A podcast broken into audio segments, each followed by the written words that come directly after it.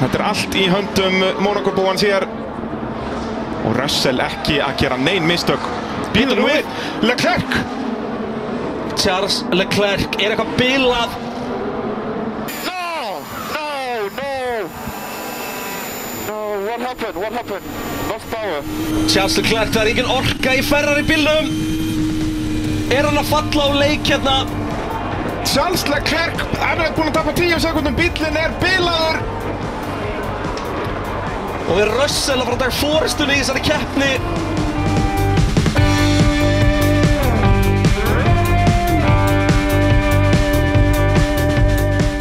Hæ, Blessaður! og það er eitthvað sem að þeim er að fokkin kringla namminu munu en það var nú kvektar á ræk Það ætla ég ekki að gera. Þú hakkar í þig Nóa Siriusin eins og enginn sem morgundagur. Nókvað mikið að nýju nammi stúdíónu Já, heldur Petur. Það er ekkert eh, fyrirtæki sem að er að vinna mik- meira með það að koma með nýjar vörur heldur en Nóa Sirius. Það er bara svo leys. Já, það er ekki lengur bara það að vera bræðinu í páskaækjunum og okkur til þess að var fyrst sko Já, nei, nei, nei, nei, nei, nei. Við erum að, þú ert að hakka í þig einhverja... einhverja- Sumartrýtla, það var hérna Ú. það var hérna fram með eitthvað pipartromp og Það er allir pakkin. ég hefði aldrei mikill svona súkulega bopp sko en þetta er alltaf læg sko Já, en ég já. var líka eftir að bara háta þess en sko, ok, nóg er ekki svona sponsokun ég vinna bara með hérna Já, Þessu. þú veist, þeir eru óbeint á sponsókur. Já, og þeir eru mögulega að vinna með mér í Game TV En Já, já. ég verð að segja, hér á borðinu er Poki og eins og heyri, ég er að opna alltaf að lesa á hann Mm. sem hefur fengið uh, ádil á sig út í að það stendur butter and salt Wow. en ekki smjör og salt Já. og ég skal alveg samla því að þetta er ekkert eðlilega gott sko. Ég get staðfesta bara út af því að þessi póki er tómur hérna á borðinu. Það er ekki oft sem eru tómur Nei, þetta þannig að það hlýtur einhver að hafa hakkað þetta vel í sig Þetta er hérna. sturla gott sko Já, þetta er Jóla á FM uh, Þetta er Nóagrop. annað sem eru Jóla á FM, það er verkvarðarsaland Og Viaplay, og Ollís, og Bóðlið Ég, Bara gæti ekki verið meira samla Það er bara nákvæmlega svo leið Svo var legend að bætast í opinn, okkar allar besti daði Valgir eh, Jakobsson Vá. Hann er mættur Ú.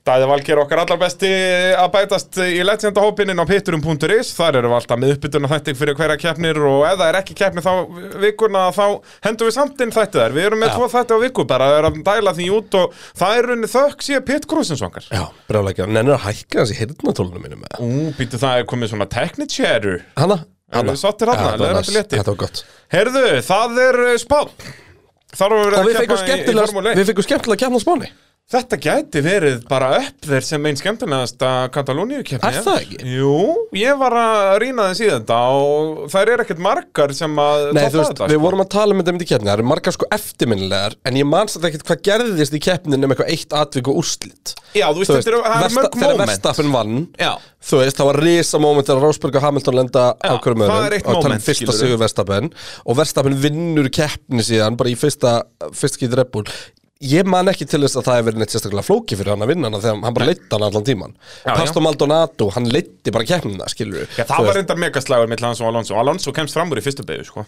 alveg rétt, var ekki, var það pitstop jump síðan Já. já. Williams náði sér pitstopunum sko. Þannig að- að, og síðan þú veist fullt af svona momentum skilur, Já. hérna Schumacher vinnur fyrsta Ferrari siguri sinna 96 í rigningu á, á Katalúni Já. já. En bara dæsið sem við fengum á milli verstafin og rössal var indislegt heldur betur og bara öll af fullt af momentum Já. skilur, og þetta var þryggjastoppa keppni þannig að það var alltaf eitthvað að gerast Já. það er það sem gerir þetta svo geggjara keppni og þá erum við með svo m- mikið af mismunandi hröðum bílum á brautinni þannig að við fáum framúrækstar eins og verðstappin hann utan á Bottas og allt þetta fáum svona magnaða framúrækstar bara út að ein, ein, bílinn er á miklu feskari dekkjum skiluru Já. að það bara því fleiri pitstop því skemmtilegri keppnin ekki bara út að drama inn í pit heldur líka bara að fá misraða bíla út af brautinni Já, og sko, ég man nefnilega eftir því að það kom hann einhver tímapunktur svona setni hluta keppnar þegar klerk var dottin út og verstafin var búin að stoppa aftur og kannig og við vorum búin að vera að fókusa svo mikið á toppslægin Já. og ég ætla eitthvað að fara að svona rýna í miðjuslægin og ég bara býtu, wow, bú, bú, bú, bú, bú. hverjir eru búin að stoppa, Hva, Bara á hvað er allt þetta, í þú veist, hvað er að apaskít. gerast hérna, þú veist, hver, hver er umverulega hvar í þessum slag, það er bara skilur nákvæmlega svo leiðis Þannig að, Þannig að þetta var eh, dásamleg keppni sem við ætlum að gera upp hér eh, í þessum eh, þætti pitsins. dásamlega þætti pitsins Það er nákvæmlega svoleiðis. Lullu pitið, svo dósalegur Herru, talandu að vera dásalegur Já, Ég heldur séum einu reviewi frá 300 reviewum á Spotify review, og hvað er það? Er það þá Það er það að gefa svona stjörnu um Nei, það? reyndar ekki, það verður nú gaman Já, nei, já, er þetta bara svona að gefa... eh, Gefa stjörnu, stjör- Uh, stars það væri og gaman ef, að- ef, ef, ef að þú hlustandi góður mm. uh, Myndir skottast inn í podcast appið Gef okkur review, followa eitthvað. Það þú getur sem dábæk ekki gert það núna, verður ekki að vera búin að hlusta á þáttinn, eða þú veist, kemur topparinn Nei, í þetta er kemur sko- búin að hlusta á 75% eða eitthvað, eða er þetta bara Og verður pitturinn að almennt? hlusta á klukkutíma held ég Já, það er Til svona, að mega gefa stjórnu Já, og hérna, þetta er Þannig að skemmt við bara- en þetta er pitturinn almennt, þetta er ekki bara áþáttir já við, minnum, við minnum bara á fólk eftir klukkutíma að gefa okkur stjórnu Við erum með Bíddu, pötana púlsinu Ég ætla að setja Það eru engar Ég ætla- líkur á að ég muna ætla- muna. Ég byrju, já, Þess vegna ætla ég bara Ætlar að að stilla timer Skjall í vekjara klukku One hour Já Hvað heldur við verðum klukktíma hérna frá? Ég spái að við verðum að tala um uh, Mercedes eftir klukkutíma Það er minn spádómur, hvað er, heldur þú? Ég veit ekki, við sem bara kerið áfram All right, uh, heyrðu þá komið þessu hér Well, now, James, they've changed the regulations concerning the air boxes and the wings, and yet you're still extremely fast. How do you do it? Big balls. you know, you gotta either be blind or stupid to not see me, but you know, it's racing. Dauði Artons Senna á Ítalíu snemma í vor. and he's going through. Oh my goodness, this is fantastic! If you no longer go for a gap that exists, you're no longer a racing driver. Max Verstappen er heimsmistari í Formule 1 Býttu? Jú, komið í sæl og blessuð, það er söguhótt Býttu, og er það sögum maðurinn? Það er ekki spjallarinn Það er Ok, sögumadurinn þannig að ég er bara Þórðarson að fara að taka hérna Þú ert að fara að taka poka. trillana þína Ég fara að taka trillana mína, Þú þetta ert að eru trylla sumatrill, þetta eru trilla. súrir, ég elska súrt, sko Shit, heyrðu þú gafst mér rétt svona og ég hef búin að vera að gretta mig síðan Já, þú vil náttúrulega líka aumingi, þetta er ekki svona súrt, sko Já, ég get ekki súrt sko En þannig að ég má núna færa mækina aðeins frá svo fólk heyrir mikið smjáta Já. og svo kem ég bara svona Já, eitthvað svona, eða bara svona, hmm, já Gjör svo vel Uh, en já, ég var náttúrulega ekki búinn að gera söguhóttn um Spán því að það bara uh, fór alltaf fram hjá mér en þá var gott að eiga þetta inn í. Ah. Síðan kemur Monaco næst, ég er, ég er búinn með söguhótt þar náttúrulega en síðan, þú veist, kemur Kanada og alls konar Mm. Gæti samt svolítið að gera nýtt söguhótt um Monaco aftur núna sem er basically bara um dekkjaðans valdir í bóttas fyrir ári Já, já ég er náttúrulega manstu hvernig ég skrifaði söguhóttni í fyrra ég skildi eftir eiginlega alveg síðustu 30 árin sko. Mm. þannig að maður getur alltaf einblínt meira á þau sko, bara að fara að tala um Oliver Panis og eitthvað en uh, við skulum byrja á söguhóttni um spænska kappaksturinn Spátn á ríka kappakstu sögu og fór fyrsta keppnin á bílum þar fram í landi árið 1908. Fyrsta Grand Prix keppnin fór fram fimm árum síðar þó keppnin líktist þó frekar vegaralli en það var um 300 km leið ekin í kringum Madrid. Þú ætlar að vera smatta bara. grjótharður. Heyrist það? Já, vel, en Ok. þú veist, það er heimilislegt. E, mikill áhugi var á aktus íþróttum á Spáni og var ákveðið að sérsmíða kappatusbraut í bænum e, Sitges rétt fyrir utan Barcelona. Sitges Terramar brautin var 2 km óval og var fjórða sérsmíðaða kappatusbraut heimsins á eftir Brooklands, Monsa og Indianapolis. Brautin var stórhættuleg enda fór hallin í beigjónum upp í 66 gráður. Monsa-bankingið sem er ekki hægt að lappa upp, sko, hvað er það, 21 gráða? Fun fact, uh, íslensk fatalína er skýrð eftir þessari brönd Sitges Terramar? Það er 66 Já, það er eftir þessari braut. Það er ekki út af norður gráðum og suður Tengir Tengist, það ekki grímsei nei, þetta er suður eiri, kallið minn. Þetta er söður Já, og þau 60 sekkur á norður eru originated á suður eiri, kallið minn. Uh, fáar keppnir fóru fram á Sitges Terramar en brautin stendur þá enn í dag og eh, er þar stórt kjúklingabú.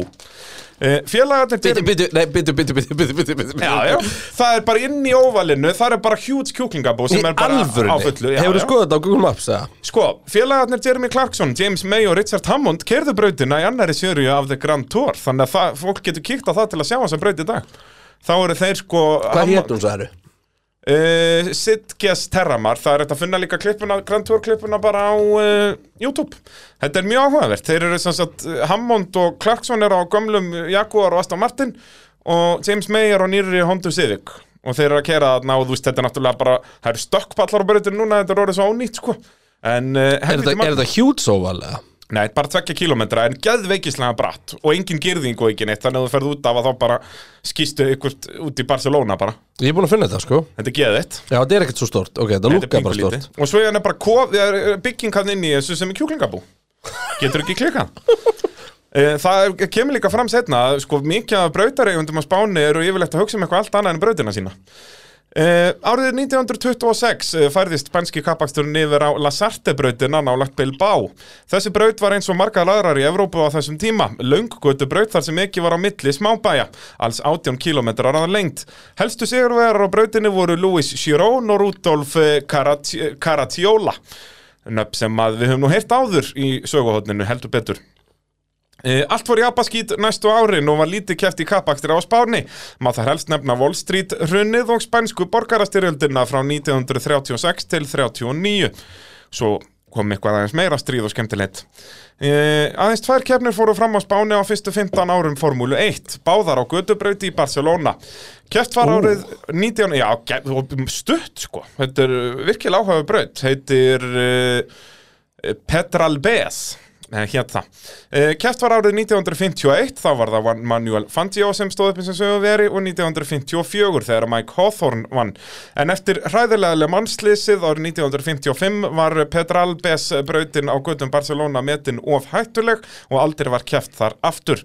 Spánverðar þurftu að býða í 13 ár til að fá formúlu 1 aftur til landsins Uh, frá 1967 til 1981 var keft á tveimur brautum til skiptis þá voru Jarama brautin norðan við Madrid Ó, ég var vel leilur, sorry Nú, Hún heitir Harama Harama, já, það er spænskan Ég átti að keppa á hann. Hereth Ég mista þessari keppni út af eh, eldgosinu Já, það Þetta er sem sagt, Mista það er ennþá Valencia verið að og nota hann í Haram, dag sko. Harama Harama uh, og svo braut sem er, ég hef ekki hugmynd um hvernig maður segir nafnið á Montjuic Juic, Mo- Montjuic brautin á samnefndu fjalli í Barcelona er sérst fjall hérna bara Já, í Barcelona, þetta er ekki fjöllin fyrir ofan Barcelona heldur er bara svona lítill klettur hann inni í borginu og þetta er svona þar var þessi braut ofan á því Ég elska líka hvernig þú skrifar um þessa brauti þarna aðeins þetta, ok? Þetta er dásamlegt. Já. Eh, Báðar þessar brautir eru enn til þó að eh, Montjuic hefur verið breytt í almenningskarð en, er, en enn er keft á Harama í hinnum ímsu serjum. Gott ef að í sama þætti Grand Tour fór ekki með og kerði bíla á Harama Það getur verið. Mér minni það Eftir að þeir voru hún, er, búnir í hún er bara bakinu. inn í bæ, sko Já, já, og bara mjög Á skemmtileg kappatisbreyt. rosa mikla hæðir í hennu og eitthvað Þeir voru að keira eitthvað ah, ég, ég man bara, að ég, ég hef séð Eru það á þá kerfinu gömlu Aston Martin, Jaguar og nýri Honda Civic? Gott ef ekki Já, það var í þessum spánartúr. Uh, og uh, fransk, fraklandstúr líka er fórið út um allt uh, enda þykir brautin vera eins og skemmtilegast í Evrópu, hönnuð af John Hugenholtz sama manni og hannaði meðal annars Sandvort og Suzuka Já, það er svona svipa lífi í henni Já, Ég spái því. þetta Og er upp- svona upp á- En hún Suzuka er til beigð dæmis í flæði. hlýð, sko Þannig að- Hugenholtzin elskar allt svoleiði sko. hann hannaði meira sem líka hérna Stadium sectionið og Hockenheim og fleira Já, ok þetta er uh, mikill meistari Hugenholtz Jeps, uh, Jim Clark vann fyrstu keppnina á Harama á nýja Lotus 49 bílnum árið 1967 en sigur sælast aukumæðurinn á Spáni á þessum árum var Jackie Stewart með þrjá sigra alls. Keppnin á Montjuic uh, brautinni árið 1975 fór í Ég sögubækundar. vil held ég að setja slátur sem framburði Ég held það, hvernig myndir þú segja þetta? Uh, Út af þetta er ég- spænskt, ég- sko. Þú veist, Þetta hljómar eins og þetta sé Það- bara eitthvað... eh, það er eitthvað austurrískt sælent eða- þarna Montjuic, Mo- eitthvað... Montjuic Montjuic, eitthvað. já. Nei, þarna hljóma ég svo frakki Já, ég veit Montjuic. það. Já, þú veist þetta orð er ekki mjög spænst í útliti. Montjuic, auðvitað Montjuic, ég ætla Já. bara að segja þetta svo leins En já, 75 keppnin var helviti mögnuð þannig upp á þessu fjalli í Barcelona Fyrir keppnina neituðu ökumenn að taka þáttar sem öryggi brautarinnar var nánast ekki neitt Það var akkur þessi setning sem Já. ég fór svo skilni Öryggið Þar var sem ekki neitt. öryggið var ekkert Já, ég skrifaði þetta kljóðan 5 í nótt, hættu þessu Öryggi? Nei, við þurfum það ekki Það hér þarf ekki hér Eftir fyrstu æfingu lappaði ríkjandi heimsveistarinn Emerson Fittipaldi um brautina og benti keppnisöldurum á að girðingarnar í kringum brautina voru ekki einu sinni fastar saman og var auð- auðveldlega hægt að sparka vekkin í sundur Fittipaldi tók það ekki mála keppa og að lögatasmotni var algjör þögn yfir Barcelona Þanga til að Ferrari bíl Jackie X fór í gang fyrir tímatökur X var alveg sama um þessar kröfur ökumanna og að lokum keftu allir í keppninni allir nema Emerson Fittipaldi og þarna sérst fyrir keppni fóru bara mekkarnir hjá liðunum að skrúa saman Þú armkó-vekkina sýndi mér, það er til eitthvað vídeo af Já, þessu. þetta var í heimildamyndin, Það var þetta heim- var já. One sem við horfðum á Já, hún er geggju, ég mæli með henni Hva- Hún heitir hvernig- bara One, bara einn Og er á YouTube bara það ekki Jú, ég held það, þetta Minnur finnur að hafi maður kveikt á henni þar og þetta er bara, þetta er Michael Fassbender er að narrator þarna, þetta er geggjast Þetta er endur alveg djúpasta narrations Já, þetta er, þetta er rosa dramatíst sko In the year 1928 Two people drove a car Eh, Þegar Fittipaldi var komin á flugvellin og leiðinni heim til Brasilíu fekk hann skilabúðum að keppnin hafi verið stoppuð eftir 26 ringi. Þá hafði afturvengurinn á Lólabíl Rolf Stommelen brotnað af með þeim afleiðingum að þjóðverinn fór út af brautinni og í gegnum eina kyrðinguna. sem er akkurat í raun og veru það sem allir voru að benda á bara gerðingarnir mun ekki halda bílum einu svona inn á keppnisvæðinu sko. Jep. Uh, Rolf lifði slísið af enda höggið ekki svo þungt þegar hann fór í gegnum hóp áhörvenda. Fjórir létust. Aldrei var keft á brautin aftur.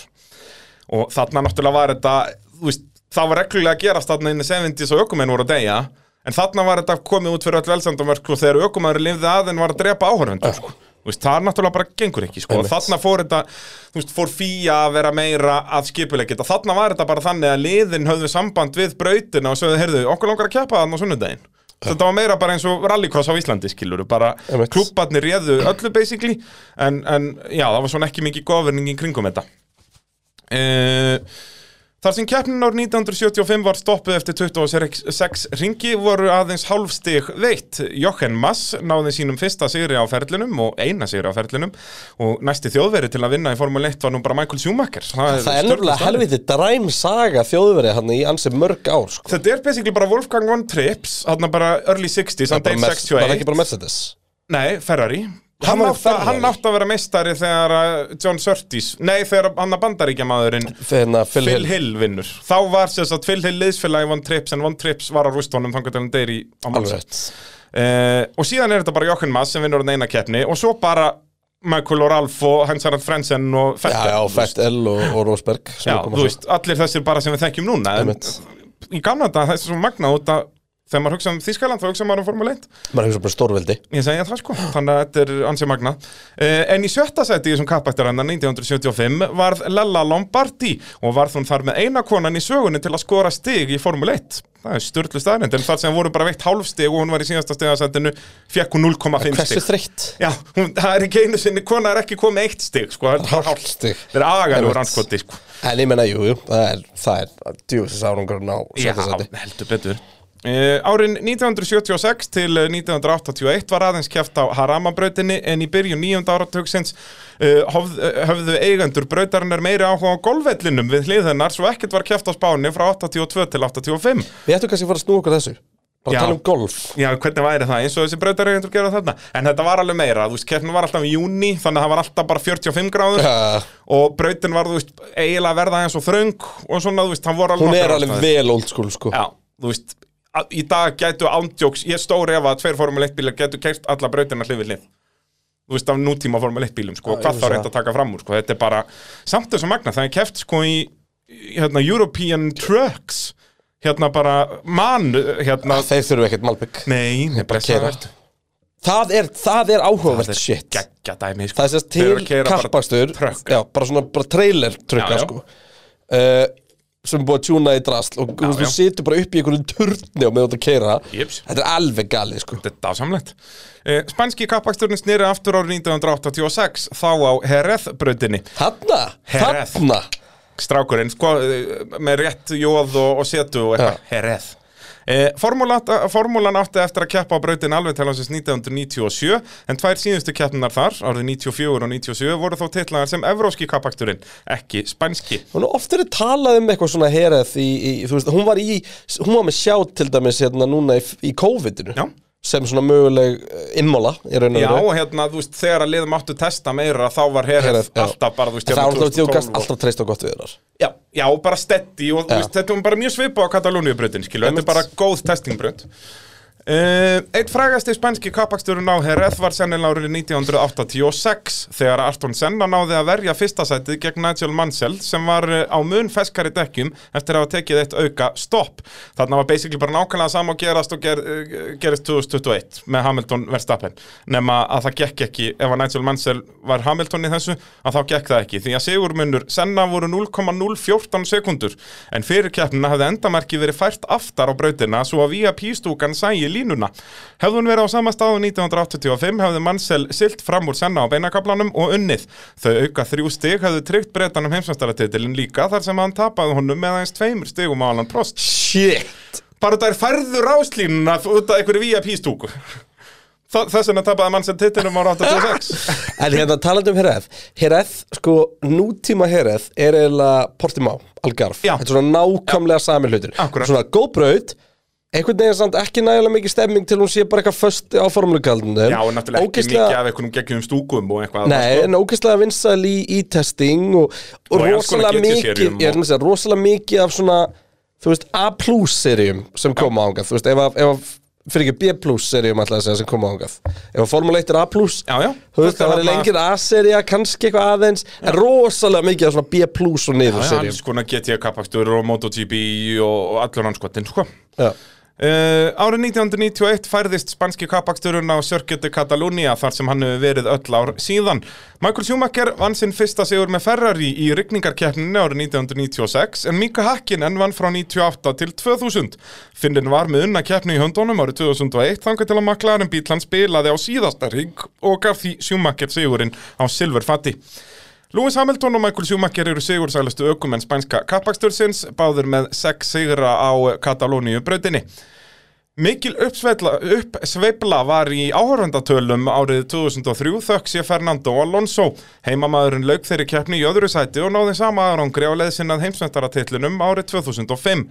Árið síðar var þann annar heimamaðurinn til að vinna spænska kappaksturinn. Sá fyrsti var Carlos de Salamanca sem að vann fyrsta spænska kappaksturinn árið 1913. Hundrað árum eftir þann sigur endur tók Alonso leikinn með sínum öðrum heimasigri en það er einmitt í síðasta skipti sem að Fernando vann keppni í Formule 1. Keppni helgarinnar var aðeins svo fymta frá árnu 2001 sem að vannst ekki af ráspól. Og þar með er lestir lokið. Þetta var stór gott söguhótt Já, bara ekkert, ekkert, of, ekkert of langt, bara uh, hugulegt Já. og, og hérna vonandi áhugavert Já, uh, eins, og, eins og mér einu með lagið. já, ég er ánægð með þig, ég er ánægð með þig Hvernig er það hans bara, góður eða? Ég herði, ég hef bara sjaldan verið betri, ég vaknaði klukkan þrjú og nótt að skrifa söguhóttn og græja skjalið. Bara getur ekki klukka.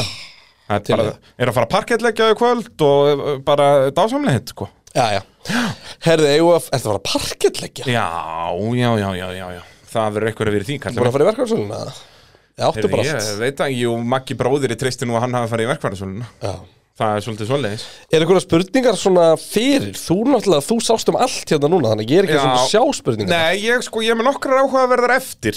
Já, ekkert fyrir Nei, þannig að við hérna hendum okkur bara beint í djúbulöðina og byrjum náttúrulega núna á Red Bull Racing RBPT Red Bull Racing, RBPT Racing Team uh, og hvað heitir aðal sponsor Oracle, Red Bull Oracle, Racing, blub, blub, blub, blub. RBPT Þar sem að þeir eru komin í fyrsta sæti í heimsastamnóti bílasmiða og eru bara með helviti góða fórustu þar 195 stig gegn 169 stigum Ferrari Max Verstappen ræsti annar og stóð uppi sem sigurvegari og leiðir því heimsastaramótið í fyrsta skipti árið 2022 með 110 stig Sergio Pérez ræsti 50 en vann sig upp í annarsætið og er ennþá í þriðansæti heimsastaramótinu með 85 stig Kjartan Örn spyr Þarna kom augljós leið til að gera keppnar skemmtilegri, látum DRS-ið bara virka sig ykkur 50% á tímanum randomli.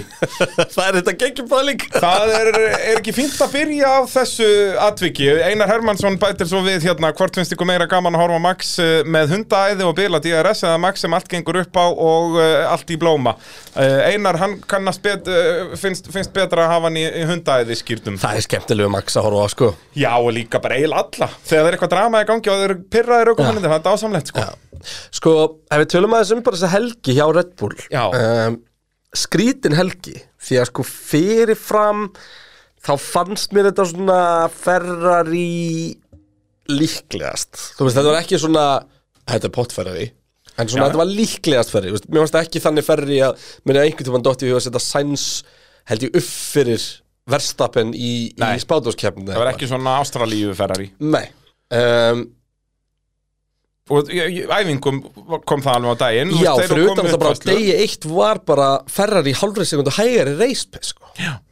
Þú veist Þannig að hérna, eitthvað gerðu þeir á degi 2 og reispesi var allir bara orðið nokkuð svona equal um, Komin í þessar tímatökur Ég held allan tímanum við að horfa á tímatökurnar að Verstappen myndi taka pólinn sko. og ég var jafnvel farin að ímynda mér eftir Q2 eitthvað Verstappen Mercedes mm. Leclerc sko fengið þrjá mismunandi þarna og jafnvel að- að að Russell myndi draga eitthvað stórkostlegt fram eða, eða Hamilton sko Já. en uh, Leclerc tók bilaðan ring geggjaðan ring sko Já.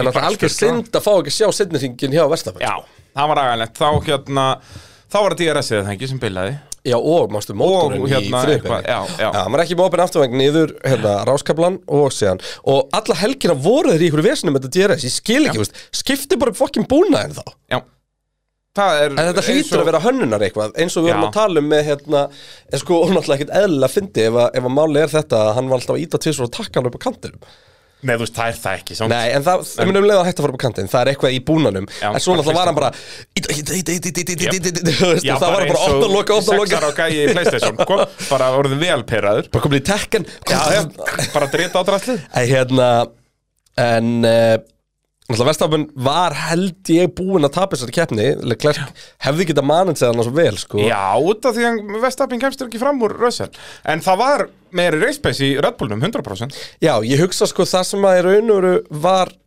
fyrsta Verstappen gerir þessi mistök ef við bara gefum okkur að- að Leclerc hefði getað dottið út þá hugsa ég að, verst, að Leclerc hefði getað stýrt þessu bara á tveggjastoppa til sigurs Já, og verið hraðar í raun og veru tveimur stoppum heldur en þryggjastoppa átlinni var en bara þryggjastoppa náttúrulega verður bara þannig að fólk er alltaf að bregðast við einhverjum öðrum en Akkúrat. einhver sem að hendurast að keðjuverkun sko. já, já, og þá bara gáttu þér farið inn, skilur en sjálft séð mistök hjá Max Verstappen og ég er búin að vera að reyna að muna hvenar sást þú síðast Max Verstappen gera mistök í akstri? Bara tímantökur í sándi Góð punktur En í keppni er orðið helvítið langt síðan Sko, mér dættu bara í hug að mér minni sko ég er að hugsa aftur til Toro Rosso sko Nei, nei, hann hlýtur nú að hafa gert ykkur mistök En ég man ekki eftir einu mistökum eins og 2021, sko hvenar gera síðast mistök? Þú veist, upp á algjör legin spýtur, skilur Já, ég er að tala um það, þú veist, það það- já, fullt, fullt sem ég er til að skrifa hann Já, það, já. sko En Og bara einhverju, upp á einn einhverju, bítur. þú veist, jú, það voru, það var, það er rétt, það var, hérna, uh, í Saudi uh, Og það voru tvö tímatökum mistökum síðast tímabili, það var Saudi og Portimao En hvenar, þú veist, Já, það er Mhm. bara nú er ég mjög- að tala um mistöka sem hann endar axli út í, út í einhverju Já, já. Þú veist, allstar annstarinn í Saudi hefðu þau mistök verið bara amfra þessu vitt Já, þú Já, veist, hann gerir ekki mikið, en þú veist, alveg líka tupi fer það gera þetta ekki Það eru fáir ökumenn sem að er eftir að benda á að gera mörg svona mistök nei, Leclerc verið skilja heldur mörg Já, algjörlega, þú veist, það Sainz gerir er ábyggja alveg helviti mörg. ábyggja 30% ökumann að gera mikið Við getum eiginlega ekki gert grín lengur af Fettel fyrir að snúa sem Ferrari, þetta hlýtur bara að vera Já, eitthvað það er Ferrari enda rétt, treyt þetta er eh, Ferrari inn í og Sainz er að vera búin að snúa sem Ferrari jafn oft og Fettel sko. Það er enda rétt, ég getur þetta að fara að hendi í Sainz Ég þarf enda að fara að hendi í Sainz trailer, sko Já, ég held Hann er samt að með það skítum það mikið upp á bak, sko við, ég væri til í að detti eitthvað svona Sainz svona vorkunarhorn Já, við þurftum að fara, já, hafa bara svona Bara svona- Everybody hurts Já, akkurat Þú Já, þurftum að hendi í eitthvað svoleiðis veist, þegar að bara fara he að gráta can't catch a break Já. Þú veist, ef það Ég hefur held ég sagt, svoleiðis, ef það hefur Taylor. sagt við Sainz fyrir þessa helgi herri á bæði við, hérna, verstafið fyrir út af og, og það bílir og Leclerc Já, geggja, fyrsti sigur Sainz bara Já, Já, ég menna hann resti þriði á eftir þér þetta var ekki flókið Nei, uh, kveldskýtu svo í degið En ég meina, en það, það, ég ætla bara að viðkynna það, það mýkir auðlaskapin hans að verðstappin gerir þetta hring síðar Já, Það bara gerir það alveg massíft 100% En Verstappen vissulega tapaði minna á þessu Já, Hann verðstappin snerist tókst að gera þetta miklu betur Já, sko. já, það er, en samt ég menn þó að, já, tölum um samt svo eftir Hérna, en, uh, já, Sainz talandi um átti, þetta samt, DRS Sainz átti samt að klára á palli sko. Já, 100p Þú veist, við 100p. skulum ekki vannmeta það Nei, sko. segi það, við tölum þá Já. eftir Hérna, en talandi um þetta DRS, er, er þetta eina vitið að hafa þetta bara 50-50? við, við förum betur í þessar DRS-pælingar, ég er með nokkra spurningar Ég út þegar í fór- lok þáttar Sko ég er, já, ætla að fara í að Já, loka þetta förum þá í það, almennt pælingar um Ok, ég verður öllum að gleyma þessa pælingu, það kemur í ljós Já, það hefur bara verið dásamlegt uh, Margrét Átna spyr Er eitthvað vita hvað er í gangi með DRS-ið hjá Max? Ég kynnti mér það ekki, einu sinni. þetta er ekta bara svona sem ég býst við að sé bara að vera bara skipt Veist þú hvað þetta var? eða? Nei, ég reyndi að googla þetta og þetta er svona Þú veist, liðið segir það ekki, Nei, þetta ekki af hverju ættirðu að vera að segja sko. eitthvað? Já, ég segja það sko En uh, þetta virtist vera að kanturinn hafði eitthvað með þetta að gera Og þetta var hristing Þannig að það lætum við halda að þetta var ekki sko í hydraulikkerfinu Þetta er meira eitthvað svona, eitthvað svona læsingu, það sem Já. heldur þessu uppi Og líka það að við vorum að sjá það opnast og loka strax aftur um við að kom það þyngd á var, þegar, sko. nei, það var þegar að Max var að Já, ítast á takkan rétt á takkanum bara eins og brálaðingur Það er helviti gott að En mér að geggja spotti á þér hann þegar Bottas þurfti að hérna, fara undan með hver var fyrir framar ekki rössal Jú, og hann rétti eflar á bremsun og þá náttúrulega lokast Lokast, DRS-ið og svo opnar og hann það opnar það aftur, hann kveikt á þessu sko, geggja Það er, eh, það er nákvæmlega svo leiðis Yngvar Rúnar spyr eh, Er Peres orðin óhanaður með sinn stað í Red Bull-liðinu? Veit hann ekki að byllistanum á Herre. bakvið sætið hans? uh, Ég sá svo miklu umræður um þetta og eitthvað Já. Slökum aðeins á hérna Það voru mjög mikið af sp- spurningum um þetta Ég eh, ákvað að henda þeim Það ekki var öllum. ekkert sem pyrraði mig meira heldur en fólk sem var að reyna að bera eitthvað saman að sko, byrju, þið kvörtuðu gefur sér þetta á Bottas eitthvað því að þú veist, nei, þetta var samt nákvæmlega eins í sjöttu keppni var keppni búin ef að það var slagur Já. en ef að þetta var bara, já það getur enginn annar unni heldur en Mercedes, þá er ekki nástæði allir þess að, að gera þetta en hérna en um, ehm,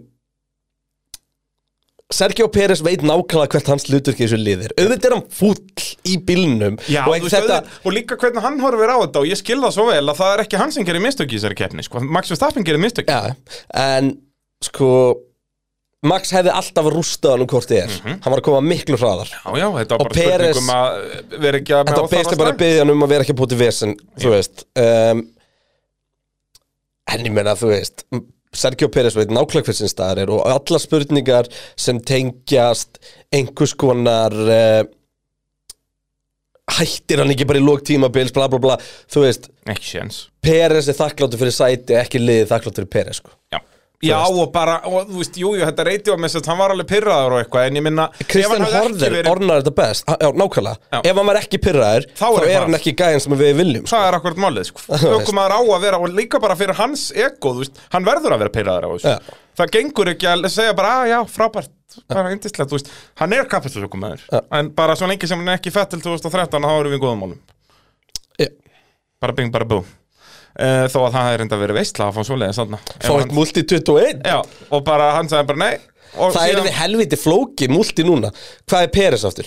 Er það, þetta er rétt Múlti, það er byrju, hann vissulega er- Max er vers- einn Max er vissulega. einn, já, já, Uh, En Per, hvað er Peres? Þú glemma því. En ekki 22 bara ekki, er það ekki báður með Nei, Júki er 22 Já, Júki er 22, Sergio Peres race number 6, nei, Leclerc 16 hann er 11, já, ég myndi, 11, ég já. myndi að voru tveir einstafur Já, það er agalegt, það var þetta Multi 111 Uh, Multi 111 Multi eh, multi- 111 Já, já, ég, ég, copy já. Copy, Það er- copy Þetta er eh, þetta virkilega gott grín One, one, one Það er hægt að gera bara, það er hægt að gera skets um þetta uh, Bjarni BN uh, spyr Getið þið leiklesið samtalið We need to have a chat sem að Peres sagði við race engineer við lok kappaktusins Kristján sem Peres og Bræði sem race engineer Hvað er Bjarni að byggja okkur um þarna? Ég skilir þetta ekki We need to have a talk After, after the race, we need to After, talk Já, erum við að leika ég tokkið held eftir það race Veistu hvernig ég held að talkið að verið? Býtu, er ég race engineerin? Já. Ok, Uh, þannig að þú verður að byrja, þú ert brjálæður Ég, ég heldur þetta að labba inn og sagt Sorry að ég sagði eitthvað í, í talstöðila Já, og þá, þá segi ég já, ekki máli maður, þú veist auðvitað átt að vera eh, pínu, pínu reyður, skilur Nei, en en þú bara veist- pössum að gera þetta ekki ofinberlega aftur, eh, pössum þetta. Nei, þú veist, þetta var svona samtal sko Já, býta, við erum að leika, við erum að leika hérna, Já, dómari. ég er búinn, þetta er bara búið Og þetta er búið, já. Nei, nei, en þú veist, í alvegni Þú veist, Já, ég, hvað, ætla, hvað á Tjekko að gera? ég segi það. Þú veist Ég held að eina sem að verður gert Væri einhvers konar Þú veist, þetta verður bara skýrara Já, og þú veist, eina sem er er að Tjekko hefur alveg ákveð til síns mál sko, að Já, við sjáum það 100%. býtu hvað, ef að þú veist, eh, sko, ef að, ef að Max hefði fengið þarna sjö stegum minna og Peres hefði fengið sjö stegum meira þá væri Peres með, þú veist, 92 og Max með 103 já, það væri bara jafnir. það væri bara jafnir, sko Og þú veist, Peres átt að vinna í sáti, Já. þú veist, var áhöpinn þar. en þú veist, en Peres er aldrei að fara að vinna Max Nei, og þú veist, og þetta er líka, við tölum um það fyrir tímbil og tölum um það reglulega, Red Bull er eiginlega svona eina liðin þar sem er augljós 1 og 2 maður, sko. já, fyrir þetta bara eitthvað svona, þú veist já, hjá liðin sem að skipta bara einhver máli Guanyu Joe Alfa Romeo og eitthvað, þú sko veist, já, eitthvað svoleiðis en, en þú veist, samt eins og Alfa Tauri að þá finnst mér það ekki dögljóst núna þegar UK er farin að standa sig Nei, en þú hugsa ég að þeir verða aldrei með 1 og 2 sko. Nei, Þeir nei. verða bara, þú veist, náttúrulega Ef þú ert ekki að reyna að gera aukumanna heimsmeistara Þá skipti ég bara mestum ána maximasa stíliðsins Jep. Og það er bara sá aukumann á þeim degi já, já, Og í þessu tilfelli, þú veist eins og segja, þú veist, Pe- Peres veit það líka alveg að Max hefði bara getið hann ef, ef að Max kæst upp að hliðina á hann, þá má hann ekki loka á hann, skilur Jep. Þannig að, þú veist, Max á nýjum dekkjum Náðunum í braut, þetta var bara easy peasy fyrir Max að fara fram úr Red Bullnum, sko já, bara miklu meiri keppnisir á Max Já. betri okkur maður, það er bara svoleiðis eh, en já, mögnuð helgi hjá Red Bull það er fullt úr stiga eh, í annars Bara- skipta þessu tímabili Já, og bara þriðja helgin röð sem eru að skora feita punta á ferri já og Enda konum fram úr enda komni fram úr og alveg vel fram úr En núna verða ferri líka svar í Monaco en, ég meina Býtu það hvað er er það Monaco, laugardagurinn sem gildir Monaco og, Le- Baku framöðan Já, Leclerc er eh, alltaf búinn að vinna verðstappin í tímatökum nánast þannig að eh, Já, já Það er, uh, þetta ætti að ganga hjá þeim Leclerc elskar ekki síkenin Já, það er ekki bara, já, það verður áhugavert að uh, sjá hvað við gerum í spátanskeppninni uh, fyrir, Ég- fyrir Monaco Það er Ég bara held við svoleiðis. sem báðið samlega raukt, sko Já, þú veist, þetta er tímantökurnar nema bara, þú veist, Russell verður Já, valdkart Ég veit það, mér langi alltaf að setja Mér langi alltaf að setja Russell bara sigur, sko Russell Sigur, sko Já. ég veit það Það er helviti Þeim tending munir líka, þú veist, ef þú ert George Russell eða, ég, sko, eiginlega frekar ef þú ert Lewis Hamilton Já, Russell er bara betri í tímatökum, við ræðum það eins og eftir Já, þegar við tölum ég um held matchið. bara að Hamilton á þess að ringi í sér sem eru Já, gjössanlega galnir og einhvern veginn algjörlega. engin landa virðist geta að dreyja fram við bara sé alltaf lítið að það En ég og- meina Russell á það alveg líka ég meina, Spa Russell á í það líka, fyrra- algjörlega, algjörlega en þú veist, er ekki Mólikó sjensin hans að vinna keppni á tímilu þú veist, að verður allt gefið í þessu lina sko. Jep, það er bara nákvæmlega svo leins uh, Pitturinn hans alveg búið Ólís uh, en hvetjum alla til að skella þessu ólís.is og uh, sækja sér líkilinn góða uh, og f- setja uh, pitturinn í hópur Já. Það er maður verið að skrá sig að skrá ekki upplýsingar flókið. Nafna heimilisvang og eitthvað, bara það skrifa verður pitturinn bara auka afsláttur á bensinni og ég veit ekki hvað það kost Já, sko. og bara dásamlegt fyrirtæki í alla staði, það er nú bara nákvæmlega svoleiðis. Uh, hverjir þurft að skrá sig í vinnahópin uh, núna? Uh, hver eru óvinnir helgarinnar? Eru það Peres og Red Bull eða? Svona þeir voru það kannski Það er rosa skríti vinskapur því að þú veist, Peres hataði verstafinn og verstafinn elskaði, oh, check us the legend, Já. eitthvað, þú veist. Það er fátt sem að Vestappen elskar að segja meira heldur en að tjekka á þess Já. að legend. Um, ég veit ekki, ég er nú eitthvað svona að hugsa um, þú veist, Aston Martin og eigin hugmyndir. Herðu, já, vá, vá, vá, vá. Já, og bara Aston Martin og uppfæslur. Eða bara Aston Martin og stig. Það er hægt að gera ansi mikið um Aston Martin. Já, svo mistu þið data í kemni. Svo það, Já, það er svoleiðis. allá bílum hos Fettel. Það er frábært. Einmitt. Það er bara, ó, þetta er svo mikið ruslið sko eins og ég hef margótt komið inn á hérna Það þarf, Þetta er eitthvað- agalegt lið, það sko. þarf að gera, þú veist, þetta er ennþá bara Jordan Þú Þetta er svona, veist, Það þarf að gera eitthvað virkilega drastitanda til að koma þessu liði úr mittfildinu og Mér Þetta liði líður- hefur verið í mittfildinu frá því að það var stopnað mér líður svona þessi að horfa á fótballaliði sem hefur ekki unni leik á tímabilinu en er í flottustu búningunum, mætir á dýrustu rútunni á alla leiki og allir í Taylor jakkafötum Já, í einhverju utandelt. já, já, það er bara svona í, þú veist, þetta er bara svona Everton stemming eitthvað Þetta er yfirleitt svona í miðjunni, stundum er það aðeins ofar, stundum aðeins neðar Þetta er þetta frábært sjátt Aston Martin er Everton formúlunar Já, það er bara svo leiðis Fyrir utan að Everton er ekki með nú hugulegan heimavöll Það er kannski meira Tottenham en Tottenham er aðeins svo góður En Tottenham vinna samt aldrei neitt Þú veist náttúrulega Arsenal maður Já. Já, þetta getur verið Tottenham sko Komið nýjan fans í stadium Já, og einhvern rándýran stjóra og eitthvað svona dót, þú veist Erum með stærsta bar í London Það er á, á Tottenham stadium Já, þú getur örugglega ekki keft bjórar Nei, alveg eru ekki En, uh, já, Ei, alveg, það er stærsti bar í London ég held það já Skemmtilegt. En hann er bara ekki dæðilega Hann er lengsti bar, já, ekki stærsti heldur lengsti bar Já, vá, skemmtilegt Þannig að heil, bara ein hæð eitthvað, það er bara bar Já, störtlu staðarind, dagsins Uh, tölum þá um Ferrari, þeir eru dotnirinn í annarsvendi heimstartarmótinu með 169 stig Sjálfur Klerk ræsti fyrstur en datt úr leik eins og við heyrðum hér í byrjun þáttar og eh, er því dotnirinn í annarsvendi heimstartarmótinu með 104 stig gegn 110 stig og Max Verstappen 6 stigum Ó. þar á eftir Carlos Sainz ræsti þriðji og endaði fjórði og er ennþá í 5. sendi heimstartarmótinu með 65 stig Ég ætlaði bara að byrja á að segja Ógeðslega vel gert við Charles Leclerc að fokka upp fyrir tímarhugtökurínum og rífa sér svona í gangi í þeim setni Heldur betur Hann fekk bara one shot, one opportunity This is everything you ever wanted Mom Spaghetti Og hann heldur betur fekk sér the mum spaghetti Enda náttúrulega á ítölsku meðalvagn og uh, elskar gott bolognese 100% Já, þannig að eh, Hvort er þú meiri svona rjóma eða tómatpasta maður? Þú veist að þú er hvítur svona smjör, fytu Bæði pasta sko, carbonara og bolognese bæði þetta ásamlegt sko Ég meina, ég er Nefna maður algjör- á ekki að setja rjóma í carbonese Nei, Nei, carbonara, í nei, ég veit það, en það er aldrei. alltaf fullt af rjómapasta Já, uh, er bara- ég, ég er miklu meiri tómatpasta maður, sko Já, ertu ekki carbonara Vinst svolítið mikið með að gera sko ferska tómatsósu Já Hendi bara, þú veist, fjórum kílóum að tómatum og, Og eldar í eh, þrjá klukkutíma bara Já, Já. með fullt af ferskur basiliku nenni og því aldrei, sko. hvítlaug og einhverju Nei, þú hefði gaman að koma oftar í matur minn, sko Ég er Já, nostrari, sko, þú ég ert veit að þú nostrari. kannt að meta nostari, Já, sko heldur betur maður og kampavín beint í æð og ég veit ekki hvað Alla hvað. pakkan. Það er bara svoleiðis, ert þú eins og frakkinn og setur smá svona djús í kampavinnið til að geta kallað það morgunmat? Nei, Ah, skellur mér finnst kampóin bara ekkit gott Já, to be honest. þessi var helviti góður Nei, en þú veist í alveg, nei, sko, mér finnst kampáin hefur, hefur farið á kampáins fyllir í? Nei. Ég hef einu sinni semst óvart endað vel í glasi Núna um helginna þá bara Já, bara nú þess helgi Já, já. Nei, ég hef einu sinni, það var eitt skipti sem ég er actually, þú veist drakk eiginlega bara kampáin Eins og kreinandum minnum í lagið með leið, þú veist þú veist svona djóki þegar svona hnífur í gegnum hausinn svona maður allir- maður alltaf sett á svona gamlega Halloween búningar Já. Já, með leið þannig því ég vaknaði Já, þú veist, og það var bara, Bara bara einum auðnýtur. stað var bara einhvern veginn eins og verið bara eins og, þú veist, ég liggu við tjekka á því hvort ég væri nokkuð með skaft standandi út úr haustum á mér sko. Hann var léttur hausverkur í gangi nei það var bara mjög þungur Það var hausverkur í bara- gangi Þetta var eins og bara Mission Impossible 3 þegar verið að setja sprengjur í hausinu á fólki Já.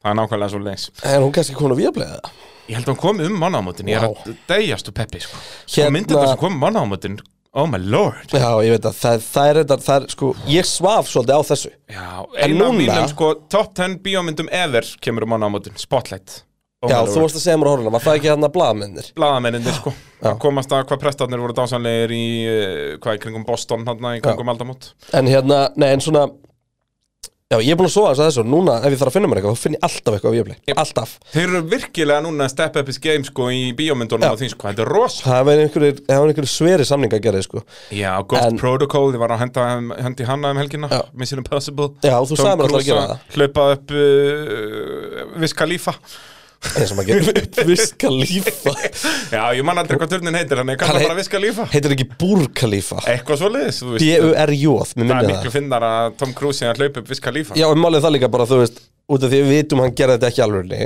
en það er svona álíka þetta víst í alvörunni. Já, en það er svona álíka líklegt að þú hlaupir upp Búrkalífa og Já. náttúrulega Tom Cruise er svo ógeðslega lítill og það, Það er er álíka rétt, stórt já. hlaup fyrir Já. hann að hlaupa upp Ef að Viskalífa það væru bara með Viska Lífa og green screen að þá hefur getað græða þetta svo liðis Hann hefði Var ekki gert þurft að fara þannig, til fun Dubai fact, það var gert Já, Eh. þannig stundu starrið En hérna, um, Ferrari, við erum Já. að tala um Ferrari uh, Pétur Gunnarsson spyr, uh, hvaða meistari var þetta í skúrnum með Ferrari sem alltaf var verið að sína? ég man ekki hvað hann heitir en Er við þetta ekki fengum, einhver fengum Fiat sent Jú, Þetta er- kalla? þetta er ykkur erfingi Já, þetta er svona gæði sem vinnur ekki neitt en á byðin sem Já, viðurins bara ógæðislega mikið og bara erði fíat Já. og seldi það örgulega og er bara alltaf í gulum, gulum jakkafötum að elda formuleitlið Var hann ekki og... komin í rauði jakkaföt setnunda en var hann í hvítum þá? Já, ég held að hann bara ekki verið í jakkafötum Jú, hann var bara í rauðum jakkafötum. Hann var allavega ekki, hann var allavega ekki gulum á keppnisteginu Nei, Hann er hérna talandi um það bara, heyrðu, já, ég er hérna ógeðslega ríkur erfingi Ég ætla að vera inni á Ferrari Best að vera í Ferrari gulum jakkafötum Svo allir maður taki sá líka pottet bara á eftir mér smettin á þessum manni að það er gaman að fara að tjá með honum sko Já, Hann er alveg, hann hefur, hann hefur fengið sér þannig, ég get staðfist það já Það Hann sést veit ágætlega. nákvæmlega hvað er að tala um með hann að kampa þess þinguna Já, 100 p, hann var sennilega bara kampaðins þunnur í þessum gullu jakkafötum Já, 100 p. Það er Staðfest, skjálfist og þinglist 100 p Eh, Kolbert Karl spyr af hverju var Klerk sá eini sem byrjaði á nýjum mjúkum dekkjum, það var áhugavert Og því hann var svo einu sem átti ný mjúkdekk Ferrari Það er þessi bara að könnuði top þetta. 10 Akkurat, uh, bara alveg óskrúpuð það hafði aldrei farið út af þeim og, og hann var náttúrulega komið með einhverja hvað átta ringja á næsta uh, út af því að verðstappin komst ekkert fram úr Russell þá gæti hann bara kert og kert og Já, kert já, Þú veist, hann var svo mikið með þetta í hendi sér sko, hann var alveg að vera hellingur Sjúklega vel gert sko Heldur betur. Uh, Andris Haugur spyr, uh, mér langar að treysta á það að Carlos verði betri en hvað er í gangi með hann? Uh, algjör hjartabrjótur hjá Leclerc og trúi ég því alveg að hann hefði rústa keppni réttilega eru þið sammála?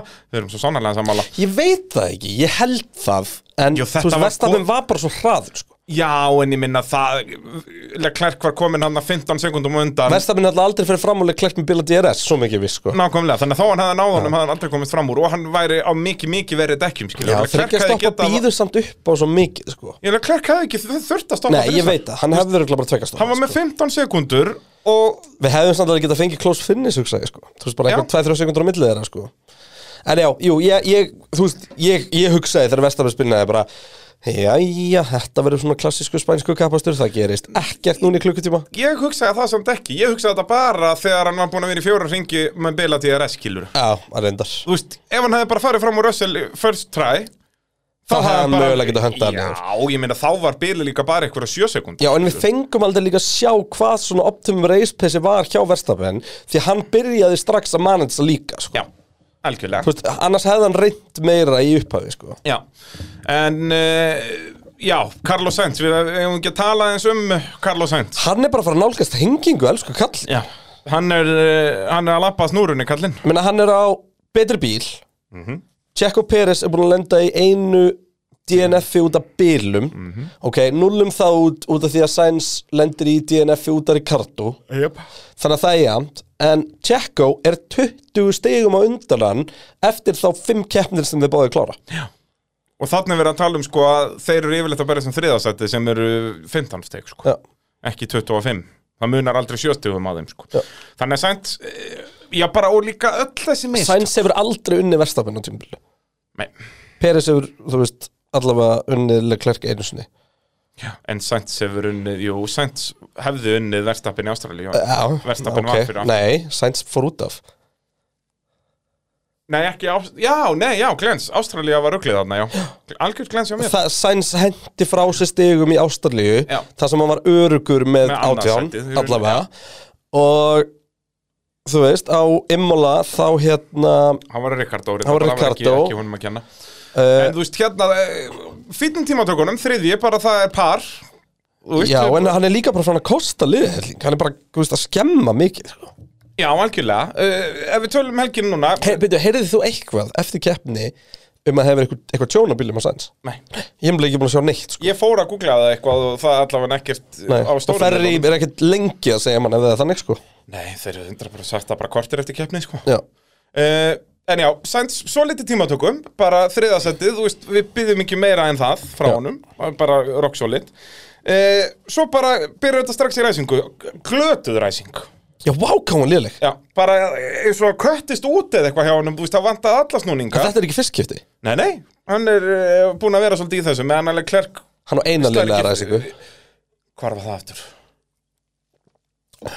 Var ekki, nei, Nei, hefur alveg klerk allir hann hefur ekki átt liðlega ræsingu Ekki þannig, þú veist, verðstappinu við stundum verið 0,1 hraðari, skiluru, en ekkert Jú, byrju, hvar tók verðstapinn hann í startinu? Var það ekki í sprettnum og ímóla?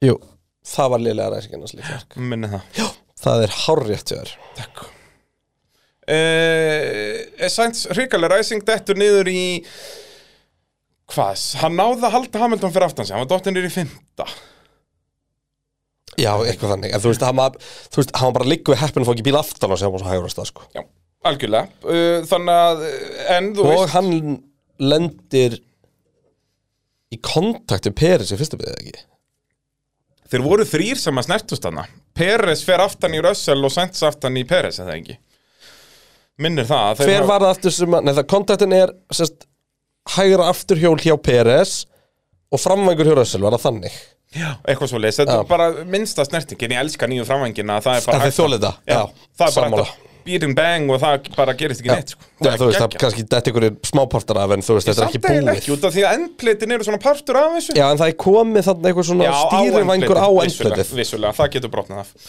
en heilt yfir þá er þetta ekki þú þarft ekki að koma inn að skipta skilur, út af því að allur vangurinn er fastur við nefið þetta er ekki bara tvær plötur þannig Já. að e, kveldskeitt þar og svo náttúrulega snýst hann þarna og dettur nýjur í 11. sætið kemur út þarna á milli Alfa Tauri bílina bombar næstu því ágjur ekki svo nónda e, gott og blessað úr þeirri stöðu áttan leikandi að geta allavega verið að berjast við rössalum þriðasætti hann átti að vera þriðji bara Já, hann tapar ekkert svo þú veist Lewis Hamilton er hvað, 17. þegar þetta gerist nei, ég meina, hvað klikkar í tímatökunum hjá Sainz?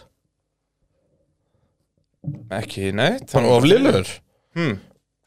Bara of liðlegur já, Sainz Já, ég meina, var hann hvað ekki átti hvað? hann að vera á ráspól Nei, var hann ekki 50?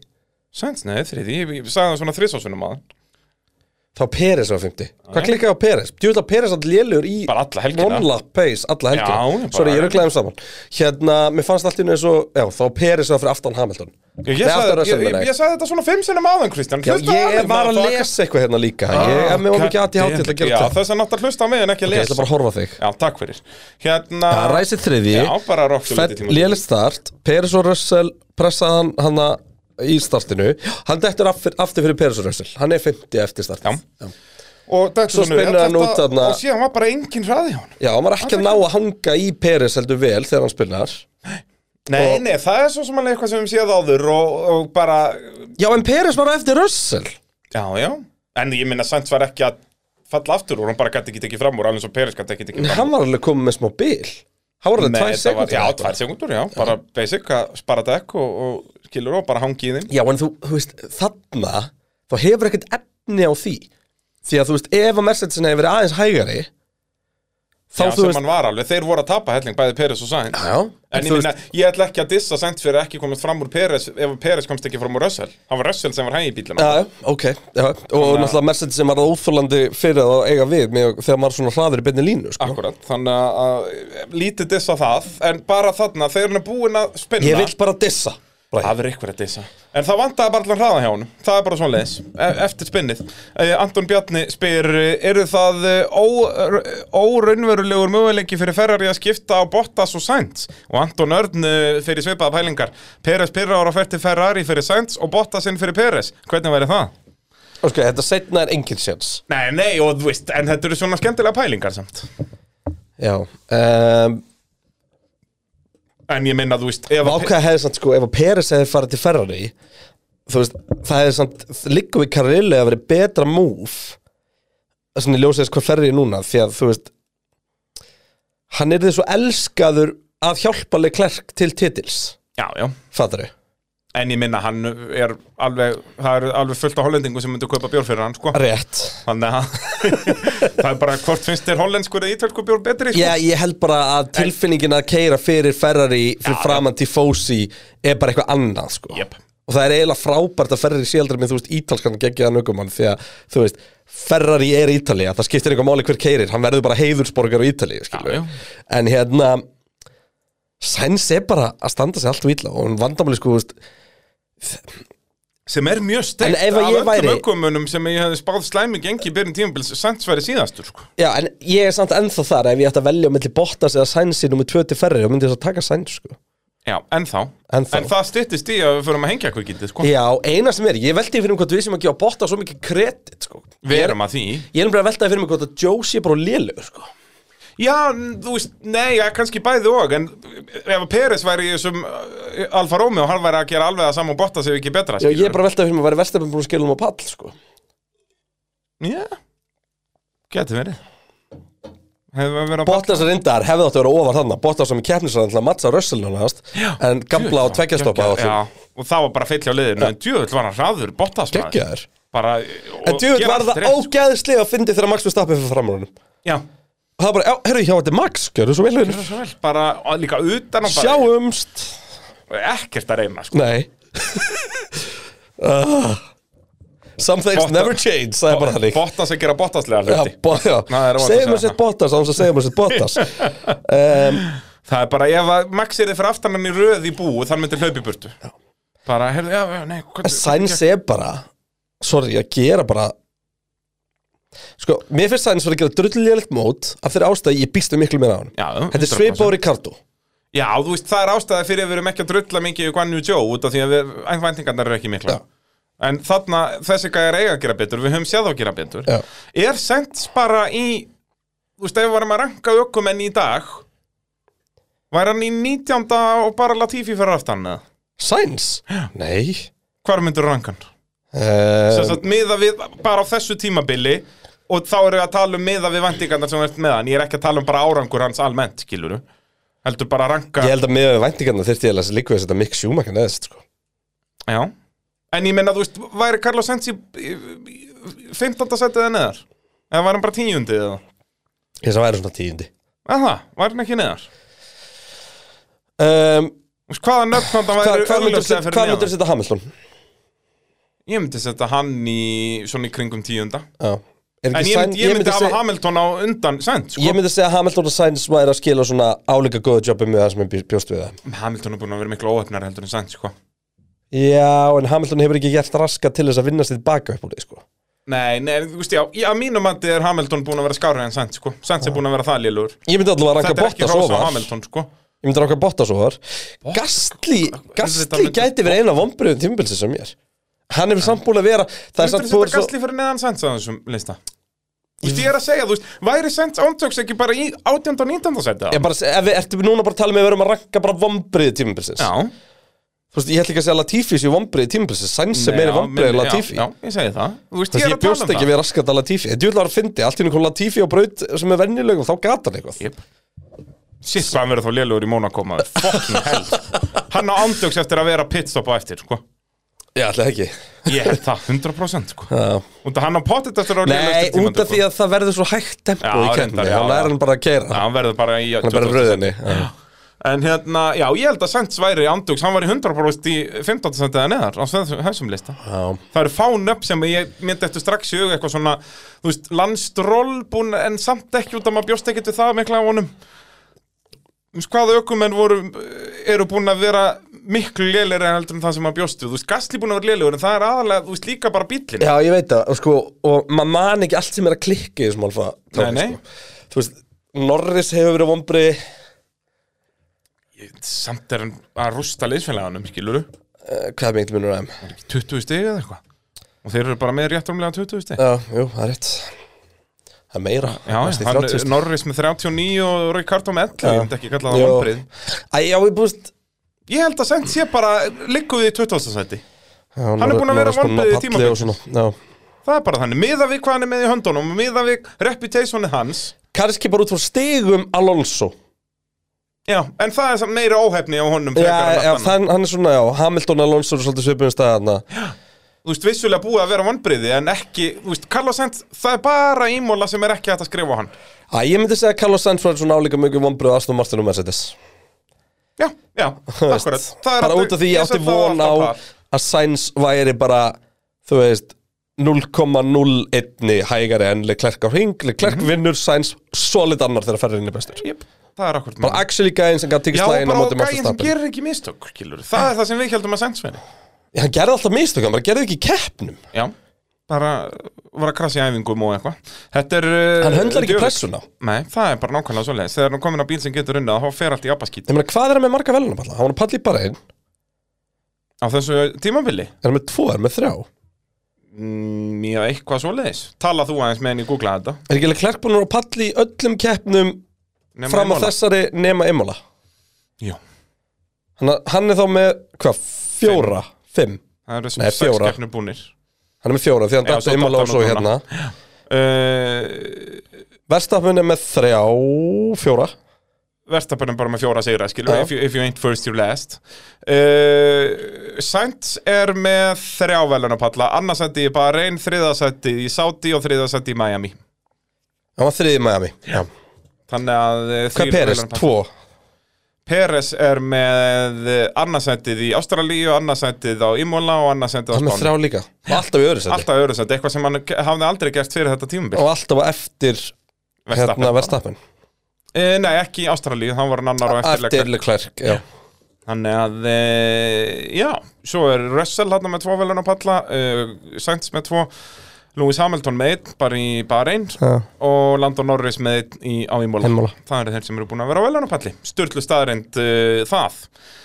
E, Veigar spyr e, Albertsson, okkar allra besti, ætli, ætli að Ferrari að vita fyrir keppni að vélinn væri tæp svona miðað við hversu vel hann tók þessu eða þeir Nei. tóku þessu. Nei. Nei. Út Og af því það að var þetta var ekki engin vélinn, þetta fyrirvari. var, nei, þetta var turbinan og semst MQH sem er rafmaksbúna Já, en það er talað um að það þurfa að skipta um bara nánast allt eftir tjónið Út af turbinan, uh, Og- það og bara sko- spaðarnir fóru í gegn sko. Og notabene sko ferri viti ekki eins og þetta er búið að gerast fyrir en að kemur radio frá Leclerc Jep, djöðl var TV-direktorinu góður þar maður Bara það var klifta á hann og strax reytið á messengi, það var snillt uh, En uh, já, uh, turbinan öll í steik og sennilega fóru spaðarnir í gegnum vélina þannig að vélinn er ekki góð Og held þetta er versta, versti tímapunkturinn til þess að þetta gerist Því að næsta keppni, þú vilt ekki setja kilometra á nýja vél í Monaco Nei, þú vilt hafa eins Þú gamla mátt vélina eh, vera 5% niður á efli sko Þú veist, Þú mátt vera 30% Rikard og sann það kannski ekki í tímatökum Ekki tímatökum vissulega en í- Þannig að þú veist þa- þa- hugmyndið fræðin þar er alltaf skilur að þú ert þá með vél sem að þú er að klára lífsitt í Monaco örinveru Já, og þú veist, það er öll liðin eru búin að pæli því bara, heyrðu, já, þetta er sjöunda keppnin, við erum búin að keira sex keppnir á vilinni þarna, þannig að hún sé bara algjört rusl Uh, Bjarki Már spyr uh, Kalt mat, erlega klerk að fara að berjast um annarsættu Mercedes, til dæmis Russell eða Peres, hann að hann og Max siglir þessu heim Mér finnst þetta góð pæling og ég er svolítið sammálinni Já, ég er hrættur um það Ég held að Max muni pakka þessum úti Það lítið hann út Og Hann það getur Red- ekki ekki Red Bull unnið eru ekki ennþá byrjaðar að flexa skilur með eitthvað svona rándýr update og eitthvað, þú veist, þeir eru ennþá með Já, Jú, en þú, jú, jú ég hugsa að Red Bull sé búin með mesta budgetinu sinni. Já, reyndar, jú, það var reyndar uh, að vera að tala mikið um það fyrir þessa helgi að þeir voru, og það við sáum það sérstaklega bara í testingin og í fyrstu keppnum, maður var alltaf eitthvað nýtt utan á bílum Já. En já, þeir hafa bara aldrei komið með þetta stóra dæmi, sko En þeir skilja bílinn vel Ég er nefnilega held að það geti verið mjög hættulegt fyrir setjum bara tímabilsins hvað Mercedes eru búin að chilla sko. Þetta er langt, uh, langt sísón, sko Þú veist, Mercedes eru að taka skynsumlegin og, og það sem við höfum alltaf séð fyrir og hitti fyrir var bara að þau bara smíða fokklóts og stöffi, mætt með það, prófað og bara, heyrðu, já, þetta virkar flott áfram en núna þarf raunverulega að hugsa um hvað þú ætlar að gera Já, það geti verið, eru Mercedes the sleeping giant Þeir eru það Eru þeir að fara að taka bara fettel á þetta á sínum árum bara að vinna nýju Já, síðustu keppnum bara þegar Asiurúndurinn byrjaði Já, þá bara sá þá bara- enginn Fettel hann var bara alltaf í fluginu undan Já, já, það er bara nákvæmlega svona Adrian Newey bara sveittur á teknublaðinu En ég meina, það er Adrian Newey hann er Red Bull í dag líka, þannig að, að hver veit en Ferrari þarf að svara í Mónaco, það er ekki flóknar það Já, þú Ég held að það veist, nú sé er bara eh, bara lokaárið. Ferrari að missa dampin ekki á góðan tíma út af því að Mercedes er að finna dampin þarna og nú, þetta er náttúrulega algjörst draumaland fyrir Red Bull ef að bara Mercedes og Ferrari fara að taka stegu okkur Já. öðru meðan að Red Bull siglir Þú veist, og síðan þá ef að Mercedes eða Ferrari rífa sig í gang setna þá eru þeir að tapa svo mörgum stegum núna á að vera að bítast og berast við hvort annað það er blómálið Þannig að, eh, en já, Monaco verður náttúrulega snild og það ræðst þetta á, sunn- á lögadegi En við erum að tala um að það er ekki nema 49 stig sko frá Ferrari niður í Mercedes Já, sem er ekki neitt Byrju, hvað er Red Bull konu? Já, það er konu 190 Ok, þannig að það eru, það eru 70 stig á milli þeirra ish 70, Já, Það eru ég meina- 75 stig á milli þeirra Já, Það eru hvað, 14 keppnir eftir eða? já, það er nóg no, no í Meira. pottinum, 15. skilur, það er ekki málið Nei, það er Og, meira, 16 og keppnir. Mercedes eru heldur betur að sína það að þar er stert aukumastu á maður Já, Óli þeir getur alveg, verið með sterkast aukumönd ég held að Russell sé sá sem er búin að koma mest á ortu á stumli Já, 100% Uh, og þá skulum við bara tala um uh, Mercedes, þeir eru í þriðasætti heimsvættaramótunum með 120 stig Russell var fjórði í tímatökum í fyrsta skiptum en Mercedes kemst í topp fjóra þriði í keppninni og setur henni í fjórðasætti heimsvættaramótunum með 74 stig og var að auka fórskottsitt á Carlos Sainz í fymtasættinu Lewis Hamilton uh, var ræsti sjötti og endaði fymti og er enni í sjöttasætti heimsvættaramótunum með 46 stig Já, hvað, 28 púntar á milli þeirra Já, Já, sem er ansirhind mikið uh, Já, og áhugaverða uppfæslur á Mercedes en þær voru nákvæmlega í takt við það sem við erum búin að tala um. Það kom einhverjar uppfæslur sem að voru ekki sko að spaða bílinn, heldur bara að fíntjúna hann og það virkaði hann. Já, bara aðeins breyta gólfinu, breyta loftflæðinu aðeins og reyna að búa til meira svona skörts eða svona, eh, lo- sem sagt, Já, má ekki hann með skört sem að sérst, eru þá svona Sílsar enda, bara. bara. bara sílsar á gólfinu. Þeir voru þannig í galandi að þeir hreyfðust upp og niður, voru sérst, eru fasti við dekkin, þannig að fjörunna, þannig að uh, það var alltaf eitthvað sem bara ná snerti í jörðina eða bara hreinlega snerti í jörðina. já, Um, til að loka Já, þessu en núna gólfi. er verið að gera það með að búa til bara svona mini-tornado sem við sjáum ekki, svo kallar vortex Já. eh, sem að það býr til skört bara úr lofti Já, sem er bara magnað að hugsa til þess, sko En, uh, já, þetta var áhugaverðast náttúrulega á fanbílnum Út að þá náttúrulega þurfti þetta alltaf að vera sílað Já. Út að þá var vifta sem að var bara beinteind í vélina Já. Sem að sög bílina á, á jörðina Og þá líka þurfti ökuminn, þú veist, Nicky Láta var að kera bara, brapaminn hann Og hann byrjaði að nota trikkskilur fyrir hraða beigju Þá bara kúplaði hann og gaf í til að þú veist, setja vélinu upp á snúning svo hann myndi bara sjúast niður og það var settu sérstakur mælir í bílinn til, sem var loftrýstingur Já. undir honum þannig ef hann fór undir eitthvað ákveðið þá vissi ökumæðurinn að það verði ekki með neitt Já. anfors það er ruggla dæmi sko. en uh, já, Russell geggjaður þessa helgina og Russell... Russell líka bara ekki vannmynda það þú veist, og bara, ok, Russell geggjaður og Hamilton geggjaður nei, þannig að Hamilton minna geggjaður en Varsan geggjaður en það sem ég langaði ætla að segja með Mercedes þetta var ekki brautin sem ég bjósti að bílum myndir höfka gang það að Mercedes hafi gert þetta í Barcelona það er stór sigur Mhm. þú veist, ef hann hefði virkað á Miami fine, track specific eitthvað Já. ef hann hefði virkað á Immola, fine, track specific eitthvað hann virkað á fucking Barcelona sko. yep.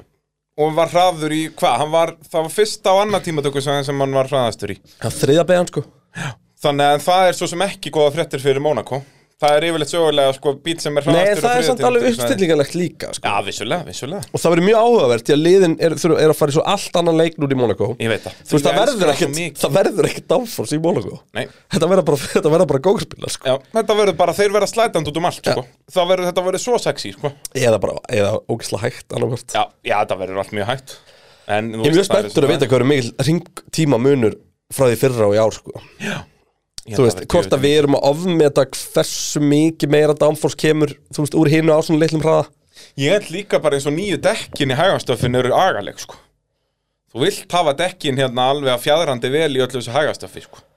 Já, náttúrulega það sem er búið að vera svo erfitt fyrir liðinu aukumenn en þú ætti að vera með fjörunum svo stífa út af porpoising en Jep. svo fjara dekkin ekki neitt, sko Ég veit það, þannig að bílandir eru bara eh, eins og eru sér geðt stressaðir bara uh, Sindri Jónsson spyr eru þessi uppgreitt byrjun á kompakki hjá Mercedes eða hafa þeir bara ekki sjans að ná Red Bull Þetta er byrjun á comebacki en hvort þeir ná Red Bull er önnur spurning Já, þeir getur ná Ferrari með, og þeir eru svona næstu við búin að Ferrari í, í keppni næstu, sinna. næstu sex vikur verða brjálæðislega áhugaverar Já, það er akkurat svo leis Orri Bergmann eh, kannski horfum við tilbaka eftir sex vikur og bara shit hvað message er búin að pakka þessum sex vikum sko. og það er, ek- það er ekki útilokað Nei, og það myndi ekki koma okkur neitt á óvart það er ekkit annar liða að fara að koma hann samt Við ætluðum að uh, hengja messages í þessum þætti ef að þeir hefðu ekki gert neitt En Þurfum ekki þeir- að gera það núna. Já, þeir eru náða að labba aðeins frá uh, snurunni en uh, við sjáum hvað setur En Orri Bergmann, hann kemur með plot twist Eh, Er Bottas mastermindin á bakvið uh, bíla messages síðust ár Hann fer til Alfa, þá allt í einu virkar hann eitthvað og bensin tölvöld slakar en síðust ár já og samna miljónum með afturhundunum á sér bara meðan hann gera það Dum, dum, dum þetta er Bottas 100% Þetta er allt Bottas, Þurfum hann ekki svona að hannar, ræða þetta. hann hannar þessa bíla og, og, og græja þetta allt saman Það er Herri, næsta kvót er reyndar geggjaf Eh, uh, hjá Herdís Helgadóttur Já. Er Russell eh, tekin við af sænt sem uh, herra pottjættur? ég held að það sé bara geggi pæling Það er bara nákvæmlega svo leiðis þú veist, Russell heldur áfram að klára í topp 5 Já. hann er eini sem er búin að klára allar keppnið tímabilsi í Ein, Hamilton og hann Einu E- sem er búin að klára allar kemni tímabilsis í topp 5 Já, en er ekki Hamilton hefur hann klárað fyrir utan stig? Hamilton hefur uh, klára fyrir utan stig á Imola, hann var að 13. Á ummála, já, já, Fyrir aftan Gasly En hann kláraði samt Já. Uh, Mercedes er allavega eina liðið sem að báðu bílunar hafa klárað allar kjarnin tímur, sem mann ég og uh, um, en af emitt, bara Russell bara, hann fer ekki neðan en fymta hann skila stigunum, hann gerir shit, shit, eru Er þetta rímanderinn? Já. Og erum við að tala um messages? Já. Bum, shakalaka Okkar hérna, allra besti en uh, já, þetta er þetta er geggjasjött, hann er orðin bara, hann er mest consistent og hann tók slæði með verstafinu um helgina og hann stóð sér vel Já, ég raun að eina sem Russell vantar er örlítið meiri kefnisræði. Hamilton er ennþá með aðeins betri kefnisræði. Já. En, en bara ha- En Russell í er það góður formúlunni, ef þú ert tímatökum það góður í tímatökum, þá skiptir ekki máli Ekki svo nefnilega, sko, það er akkurat málið uh, Hjalti Hjartar spyr uh, Hamilton tilbúin að gefast upp í byrjun keppni Hættir hann eftir þetta sísón Hef ekki heyrt hann svona uppgefin Ok, ég, ég eiginlega nenn ekki að svara spurningunni hættan eftir þetta sísón Því að hann er ódreifnilegu þegar kemur að því Já, En ég ætla að vera, þú veist, þetta var gali hann í byrjun, sko Já beða bara um spara Já, vélina bara og hann eitthvað. getur ekki búin að spara þessa vél eitthvað, bara hættur, þú veist Og sko, Hamilton þarf á alvöru úrslitum handa, þú veist, þetta er tilf Hamilton er mikil tilfinning að vera Jep. Hefur alltaf verið það Og hann er, hefur alltaf ágjörð af því, þú veist, hann er brjálæðslega self-critical Þannig að ég held að stór úrslit í Mónakó getur gjör breytt sísónum hans Já, algjörlega, eins og þú segir, hann er uh, live, hann feeds an emotion eins og maður segir og hérna, en þú veist, ég hef heyrt hann segja þetta sennilega svona fimm sinnum á ferlinum Já, þetta var bara eitthvað svo blöðrulegt þarna Já, þú veist vennulega þegar ég heyri þessi skilabá frá honum þá hafði hann kannski verið búin að vera fastur í 18. senti í 10 ringi, sko Já, og það voru 15 hringir eftir Já. Ekki á fyrsta hringi Nei, nei, nei, þetta var yfirleitt en hann hendur í þetta er þetta snemmi í keppnum til að með það meiki sensast bara vil þú getur alveg klára 10 ringi En hann hefur aldrei fengið svarið Herra, já, það er frábær hugmynd, hvað er Jú, sko, ég man eitthvað tíman á McLarendunum að þá fóru þeir að íhuga þetta þá var hann eitthvað bara í 13. sendi og búin að vera þar heilingi og bara, heyrðu, ég hef ekki íhuga að spara vélina og eitthvað og þá, mér minnir að þeir hafi nú ekki gert það þá, þú veist, þá var hann í eitthvað á 14. eða Skil eitthvað þannig ekki. að eitt pæl upp og þann væri komin í stig, sko En ég meina heldur betur sem að hraðin í messagesinum döði og, og hann alltaf átti bara að enda fjórði Hamilton var hraðast í bílinu brötinni um helgina Ég segi Tóta Wolf Já, eða, sem sagt, eh, það var svoleiðis, það var rétt hjá Dóta Wolf A, kannski En ég held samt að þar kom í keppnisállinin svolítið stertinn sko. Já, Hann er að og, vinna sér og bandatíma. ég er ekki að segja að hann hafði unnið Verstappen, þú veist, Verstappen var að mana Nei, til en reysið vá hvað það hefði verið áhugavert að sjá hann bara berja strax úr upp að Já, það sem hefði verið, þú veist, það sorglega við þetta allt saman er að hann var eini sem byrði á milluhörðu. Hann hafði leikandi getað tekið þetta tústopp. Já. Og með sinn kjærnusræða, það hefði verið djöfull áhugavert. Og með verðstappen, með bila DRS og allt þetta, Já. þetta hefði verið Og Leclerc. gæðlegt valdkart. sko. Já, þetta var alveg tækifæri hann til að vinna, það er rétt Já, kannski ekki að vinna, þú veist, hann hefði verið in the mix. Þetta hefði verið störlað, eins og segja, svona valdkart, skilur, að hafa hann þarna á millurðardekjunum, farið miklu lengur en allir aðrir, þannig að Verstappen hefði þurft að taka fram úr honum allavega einu sinn út af því að Verstappen Einmitt. var þryggjastoppa en Hamilton á einn stoppa. Og verið þá líka sko með það að annarkvort geta farið lengra eða þá hérna ef það hefði komið ykkur öryggsbíl geta tekið frítt stopp sko Já. Hann, eh, já, Þú veist, allt þetta, að- og bara þetta Góða svo- punktur. út að hann var eini á millöru, þú veist, það hefur verið gaman að sjá hvernig það spilaði út sérstaklega eftir á að hyggja þegar þetta var þryggjastoppa kefni Já. Þannig að, að já, Það er kannski ágætt að s- svara það að Hamilton að steipla, Ísak segir þetta Hamilton að steipla sinn sem Björn dræfur hjá Mercedes og Russell búin að vera miklu meira konsistent á þessu tímbil þetta er spurningan, ekki að segja og svara er náttúrulega ennþá nei þar, þú veist já, Hamilton er með mér reispiss Það er, að- ég hef basically verið þannig allt sísonið sko. Það er, jú, jú, kemur einu og einn keppni það sem hann er ekki með það En, en Russell og er bara Russell er ekki að pakka honum alveg jafn mikið í tímatökum og þetta lítur út fyrir, þú veist, þetta er ekki 6-0 sko, Já, en samt er Russell ég held að sé 4-2 Já, en Russell ofta vinnan með alveg 0,3 sko. Já, já, og þú veist, og ef þú tekir munun á millir náttúrulega hefur hann litið líka agal út eins og í sáti, sko Já, já, En, Monaco, það er Russell, spurning. eh, hérna bara alveg eins og hann var hjá Williams bara herra lögadagur Já. Vest, og en máli núna er að hann er ekki gerin en mistök á sko. sunnundum En þú svona eiginlega mynd svaraði spurninginni hjá eh, já, einu okkar besta legendi, Átna Bárðarssoni Mm. Hvað hefði Lewis geta gert ef dekki hefði ekki sprungið? Já. það er nefnilega hafði verið djöfull áhugavert út af því að hann hafði mögulega hendi two stop Jú, og eh, þá hafði Verstappen þurft að taka fram úr allavega einu sinni ef ekki tvisvar og hann var ekki með DRS og miðað við hvað það var mikið bastl gegn Russell að þá hafði það bara já, og, og Russell hefði þá líka verið þarna að rugla í þeim skilur, þeir hefði verið tveir bensar á móti Já. tveimur Red Bull sko, þannig að- að með, þú veist, ef að Russell hefði verið að blokka Verstappen hafði Hamilton nýtt sér það og öfugt já þannig að Já, þú veist, Russell hefði verið að uppfæslar, tryggja uppfæslar hjá Mercedes bara að virka og, og ég get Og ekki það beðið er eftir að ekki- sjá ég bara segi, góðan ég- fórhætt ég er Er svo þetta ekki peppaður. rétt hjá mér? Er ekki Baku á eftir Monaco? Jú. Hvernig er þetta? Uh, og líka bara annað hérna að uh, já, ég opnaði myndin að formuleitbóti.com til að fara og skoða hérna dagskrona, Mhm. bara fréttin hérna Hamilton would have raced for the win in Spain without Magnus- Magnussen contact, says Toto Wolff stoppað. Boom, shakalaka um, hérna síðan já, ég, ég sko það er já, það er Monaco það er Baku og sko svo koma Kanada og Bretland Þú veist, það er Hamilton hunting rondi á Mercedes sem virkar sko Jips Kanadi, og shit hvað erum peppað fyrir Kanada ekkert aðeila það, síðast var þarna bara Magnússon að krasa í æfingum Við, eitthvað og sko það sem 2019. verður svo skemmtilegt, það er náttúrulega alltaf setnipartin og það er 17. júni er, er hérna, eru æfingarnar þannig að við getum farið í skrúðgöngu fengið okkur kandifloss og mætt svo í æfingar Með þetta svell volkan maður, djöfulsins þetta helvitis er veistlaða fjölskylduskemmtun.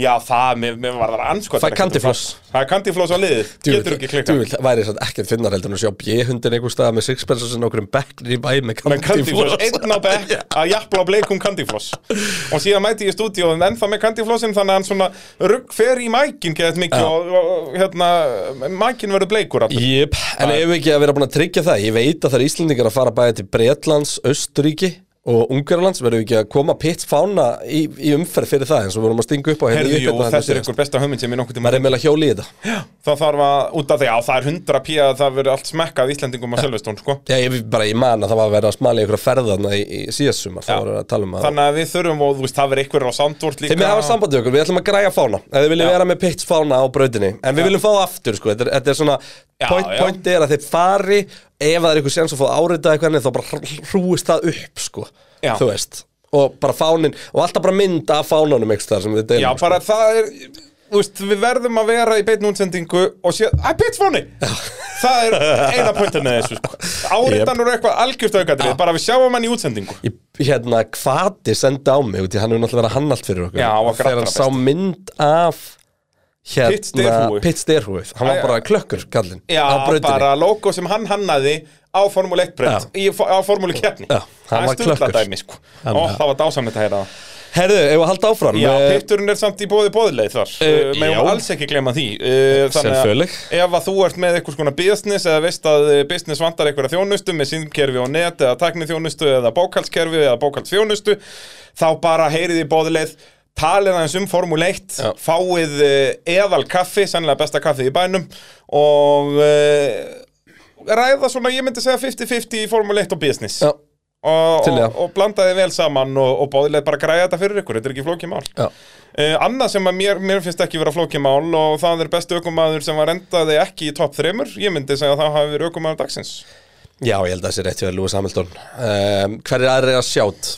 Alpínandi voru góðir í, í keppni Ef við bara horfum á keppnina, þá var þetta frábær keppni í alpínugumunum já, okkur Eh, ekki að vera í sjöðanda Já, og Alonso vann sér skemmtilega hann upp Norris solid, vinnur sig 11. í 8. Ah, það er samt svo boring sko Já, Norris mikið með uh, nei, ég er nú ekki að menna það en þetta var rosalega mekk Já, keppni hjá McLaren. sunnudagurinn hjá Norris Alveg. Herðu, Norris var vist eitthvað fár veikur Herðu, hann er með svo mikið hérna frjókvöldnánu Já, svoleiðis, var hann bara hnerrandi í Nei, hann, 70 og það fer í ringi augun á hann Þannig að hann sá ekki neitt sko. Já, manstu, við köllum þetta fyrir keppna Já. Það var svona hneig Já, niður ég er og var að bara, bíddu. hrækja Já, Bara eins og hann væri alveg að fara að guppa eða eitthvað Þá hefur hann verið með þetta bara út um allt bara Og sennilega, já, skellur að keira þarna 60 og 6 ringi hann, er sem sagt með, hann er með frjókvöldnánu, hann er hay fever Grasóna með frjókvöldnánu með eitthvað hannig En hérna, já, þú veist, Bottas En samt ekki út af- Bottas út af- var út bara af- geggjað að Bottas bara En, Já. en þú veist, Þú veist, ekkert Ef að Hamilton ekki gert það væri þetta Bottas En Hamilton bara Já, ef, gerði þetta Bottas, ógstæður ef að Alfa hefði ekki fokkað upp strategíunni þá líka, þú veist, þetta Bottas hefði þá verið fjórði. Já, Hann já hefði ég meina, bara verið Hamilton eftir var Russell. síðastur skilur Já, B- Bottas hefði náða að halda sens fyrir aftan sig, sko. Já, örgulega hann þú líka Já, En þú veist, ég er að minna áður en að allt fyrir fokk sko. Já, Nei, áður en að hérna og þó, nei, hann hefði sennilega ekki náða að halda Hamilton. með Veit ekki, hvað Hamilton flaug keppnisvæðan fram úr var, Sainz. var góður hjá hann sko. Já, Sainz var hann álgast, hann bara komst ekki fram úr, þannig að, já, það er spurning. Herru, höldum áfram, McLaren, við vorum að tala um heifíverið, það landur Norris 11 í tímatökum 8 í keppni, Daniel Ricardo 9 í tímatökum 12 í keppni. Náttúrulega svekkjandi fyrir Lando bara í fyrsta lag komast ekki inn í Q3 út af hérna brautatakmarkum, en þannig er reglan og hann áða til að gera Já. þetta. Um, en vita hvaða liðin sem McLaren og Aston tóku að budgetinu sinni eftir allar þessu uppfæslu, spyr Egil Már.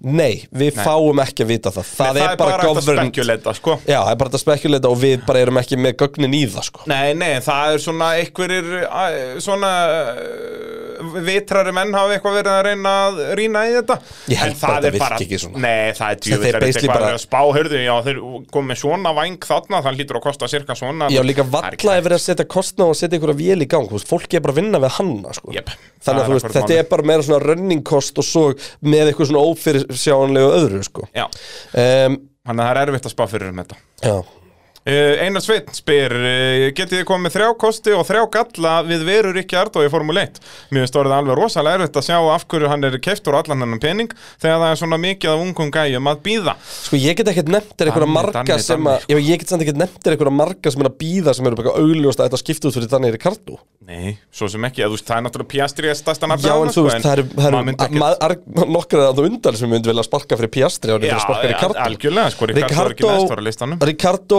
er ógeðislega góðu kapasökum maður sem er ógeðislega hraður á sínum degi hann er rosa langt sér að svo dagur var Þú um, veist, þetta, er, þetta brýtur um mér hérta ég veit það, því að við vitum um gæðin sem er hann til staðar og bara ef, ef að þið byrjuðu bara að horfa á formúlinni í fyrra þú veist, þið farið bara tilbaka og skoði Monaco sigurinnars og, Já, og bara alla eiginlega, sko, sigurana og bara. eiginlega Monaco ó, já, hver einasti sigur Ricardo á ferlinum var algjört fætt Já, sko. hann vann, var alltaf hann á vann lélegri aldrei bíl. leiðilega keppni Nei, hann vann aldrei á besta bílum Já, já, heldur þetta er Nema bara- kannski Red Bull Monaco einu sinni Þú veist Já, já En, En þú veist, samt. þetta er svona eins og bara fótbaltamennir sem skoruðu aldrei l- ljótt mark Það var alltaf bara negla fyrir utan teig Þú veist, Ricardo er þar Og í keppnum sem var ekki að vinna átti hann einhverja sturlaða framúrakstra og þú veist bara Þetta var Ricardo var bara for the show bara geggjaður að hafa alltaf og hefur alltaf Þessi- verið Og hann á bremsupedalanum hann, sko, þetta var rosalegt Hvernig hann gætt tekið ótrúlegustu dýfur, sko Já og vonandi bara fáum við Ricardo aftur í Já, gang þú veist, Það er við alltaf erum verið búin óleglega að tala um óleglega Þetta síðan 2019 Já, en ég velti því bara fyrir mér ok, Hann hefur kannski bara farin í 95% eða eitthvað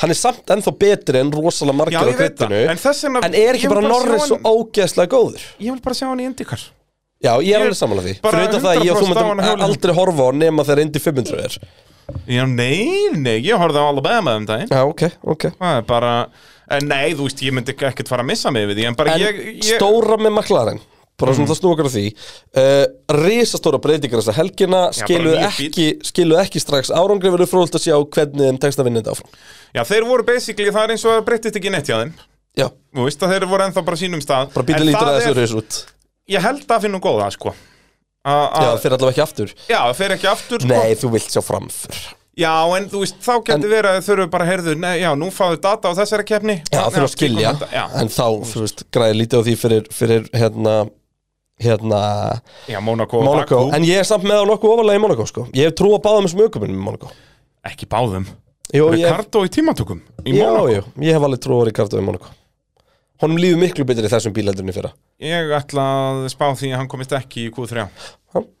Ég ætla reyndar ekkert að spá því að hann komist í Q3 En þannig spáðum í top 8 að það kemni En Heldur hérna hann takki svona mikið fram úr í Nei, Monaco? hætti þessu Ég, ég má bara, herri, ertu í alveg að hvetja mig Akkur þetta er að hafa áhrif á mín, mína spá Nei, e- e- Já, mér grjót fannst halt þetta þú bara ekki kjafti, meika- Bragi Þórðarson. Mér fannst þetta ekki meika nokkurt sens Alfa Hann Romeo. komist ekki í Q3 en vin- verið samt áttundi Alfa Romeo, Valtteri Bottas sjöndi niðri. tímatökum, sjötti í keppni Eh, Alfa Romeo núna í 15. sæti í heimsumstæðamönnu Guanyu Joe 15. tímatökum dettur út í keppninni Vitum við eitthvað af hvernig hann datt út? Eða? Eh, Vélarbílum skilst mér Já, Sem Já sagt, við vissum eh, það svo sem, við vitum ekkert hvað það er Já, nei, mér skilst það að sé samt vélinn Já, Internal bara, combustion bara E ACI Já, Mér skilst það, en ég var It's ekki the ice Ég var ekki komið með það staðfest samt Nei. sko. En, eh, Enn og aftur Guanyu Joe að bara með þetta eina stig sitt og meina Bottas er komin í 38 Jöfull er Bottas búin að vera geggjaður á þessum tíma Hún er hægt smá sem að skora og, sko. og þarna, hann dettu nýru sjötta seti út af strategíu, skilur Paldi að verið þeirri stöðum Alfa fucking Romeo Já.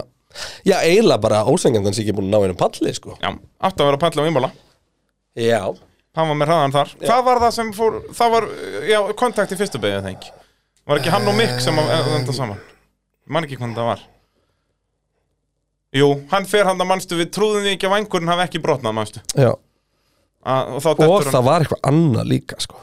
Já, þetta, jú, hægt pitstopp mannstu Já, hann tapaði öll og hæra Tappaði bara sjö sekundum Já. inn í pitt eða eitthvað, það er rétt Sem var það sem að þurfti að vera þriðastæti Já, út að hann hafði hraðan, sko, reispeysi var til staðar á Imola Einmitt. Hann að- að eh, gríðarlega svekkjandi En lítið að tala um Alfa, það var fruta, það var ógæslega mikið uppfæslum og Bottas bara helt áfram að vera Bottas Já, en Bottas eh, aftur mikið af uppfæslum og það er raunin að magnaðan við þessi helgi með allar uppfæslum þá breyttist röðin afskaplega lítið Bara eiginlega ekki neitt Það var bara En það er Mercedes að satt svo komast auðvitt nær fyrir okkur að segja það út af því að þú veist Ég, ég átti ekki vona á samt að Alfa gæti eitthvað í Barcelona Vissulega Þannig að þar greinlega voru uppfæslur að virka út af því að þetta var ekki alfa braut Nei og maður Þannig sá að- það bara til dæmis út Alfa og Haas er yfirleitt mjög svipuð og það var pínu munur og reispeysa á Alfa og Haas Ja, Pínu. fannst þér, smá Já, já, Váka aðeins. hans og Lili Reyspes Tölum þá eftir Guðminn Almatur Eh, Ég ætla ekki að setja Magnúsin eða, eða neitt hann inn í kemnis spár mín á næstunni Ótrúlega þess að uh, Alpine Renault eru í sjötta seti heimsvæstaramótinu með 34 stig eru heldur betur en álgast Alfa Romeo uh, Fernando Alonso kom með fjóra punta núna eftir nýjönda seti hérna það var tvöfalda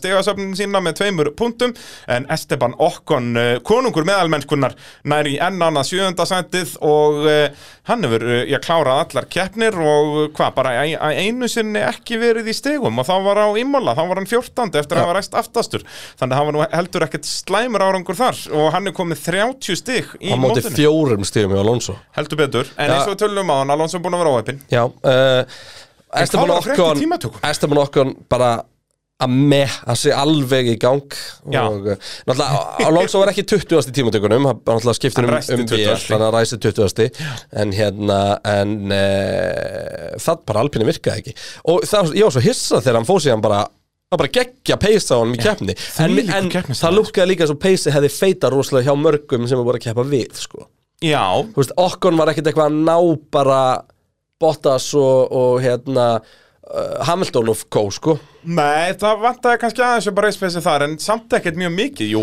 þetta Ég hef endaði í pínu pitstop á áhyggjur á milli þeirra. hausnum á Alonso, hvert hann fer núna, sko Ekki ég í runni Hann veit alveg að hann er búin að vera óheppin, skiluru Já, já, algjörlega og ég meina, þú veist, en þetta er samt, þetta er sko þú veist, þetta eru fjögur stig og þrjáttvíð stig, sko Já. Þetta er sex keppnir Já, já, en, en eins og ég segi, ég held að Alonso átti sig alveg á því af hverju hann er með mikið færri stig Hann er ekkert að standa sig illa Já. Og þetta var bara mjög góð keppni í honum, 20. upp í 9. Hann er og stegum báð, báðu skora, skora stig en uh, Alpín kom með einhver uppfæslur bílinn lítur ágætlega út, þú veist hann leitur fínt Já. út í reispessi og verður Alpín er svona til mér algjört vældkart fyrir Mónaco Já, ég veit ekki neitt um það sko Gæti Ég, bara þor, ég verið- þorði ekki að setja það í spántanskefna Nei, en eru þeir hiss ef að þeir eru bara bestir restinni? mm, Já, aðeins Hver er bestur restinni í Mónaco? Það er nefnilega mjög góð spurning uh, Norris er gott sjátt, út af þetta er náttúrulega bara lögadagurinn sem að umræðir Þannig að Norris er gott sjátt, uh, Botta sem leiðis Ég er held að ég sem er þá tvo best á restinni Norris er gott sjátt eða út af Immola sko. Já Já, og bara hann er tímatökumæður Var ekki Alpín Og góður á Botta skal Immola? ekki verið tímatökum líka hmm. Alpín lofuðu góðu á Immola þangar til að vélarlifin splundraðist hjá, Alon- Nei, byrja, hann fjall rosa niður í hérna, hann var í góðri tímatökum fellur svo niður í sprettkefni og lendir svo í að allt splundrast hjá honum í kapastunni Já, hann dettur út í kapasturinn Men uh, okkon við svolítið að vinna svo úr Nei, hann enda 14, bara 20 upp í 14 Hann resi síðastur Þannig að Nei, veit ekki með það sko En það var alltaf vonlust að vera framur í rigninguna á Imala sko. Já, En en, já. en, Nei, ég held að ég myndi setja allavega Norris og Bottas á endaðum sko Já, ég er svona eiginlega sammála því Þannig Og að líka Norris og Bottas er báði góður í Monaco sko. Já, bara góður í tímatökum, þú veist þetta snýst um bara tímatökur Þannig Ég að, tengi okkur ekkert að gödubreytir sko. nei En hann er með, hann verður bara með Já, ég minn hann verður rocksolid níundi skilur, verður rock solid og, með. Og vinnur sér upp í áttunda eða eitthvað Það verður svo, svo liðs Esteban Okkon, rock solid með Já, þetta er en, Hann er samt alveg að verða svona alveg með Já, nei, bara, hann er bara, hann er bara geðið góður Já, hann er bara, hann er að sína af hverju Mercedes hengur svo lengi á hann Já, þú veist, hann er bara að gera virkilega gott mót Hann er bara einn af, af Þú veist, ef við erum að tala um hérna vonbriði eða, eða surprise seasonsins Er hann ekki topp 5 eða? Já, ég meina, hann er að pakka Alonso í augnumblíkinu og við áttum aldrei vona að hann myndi bara vinna Alonso Nei, en eins og segi, það er uh, tökum Já, það með smá þetta eru kriti 26 stig bræði Já, já, en Alonso er ekkit búin að hjálpa sér Þú veist, Ástralíu Alonso, Jésús hvað gerist í keppni? hann bara sökkaði Já, hann var í basli með að komast fram úr og eitthvað eða ekki? ég fjall bara aftur hann var allan tíman Hann ræsir tíundi, já, það var ekkit respessi Já. hann var Já, það er gaman að þessu Alfa Tauri, manstu hvað Alfa Tauri gerir um helgina?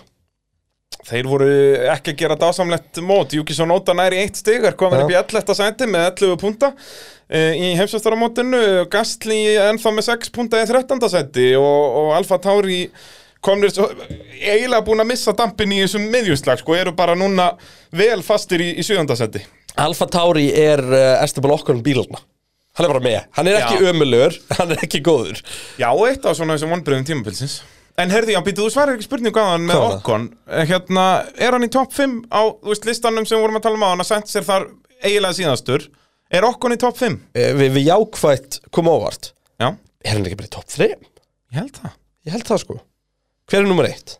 Russell Russell, uh, hver er nummer 2? Okkon verðstappen verður að vera þar Þó að við bjögumstum yfir miklu en hann er bara búin að vera á pari við það og það er djúvillig gott nei, þú veist, nú er ég bara að tala um kemur ávart Já, ok, það er ekki, verstapin, það er ekki kemur Nei, nei, ávart að verstapin vinni keppni á góðum bíl sko vinni allar keppninar það er enda mjög gott, en það er samt að heldur ekki að koma óvart.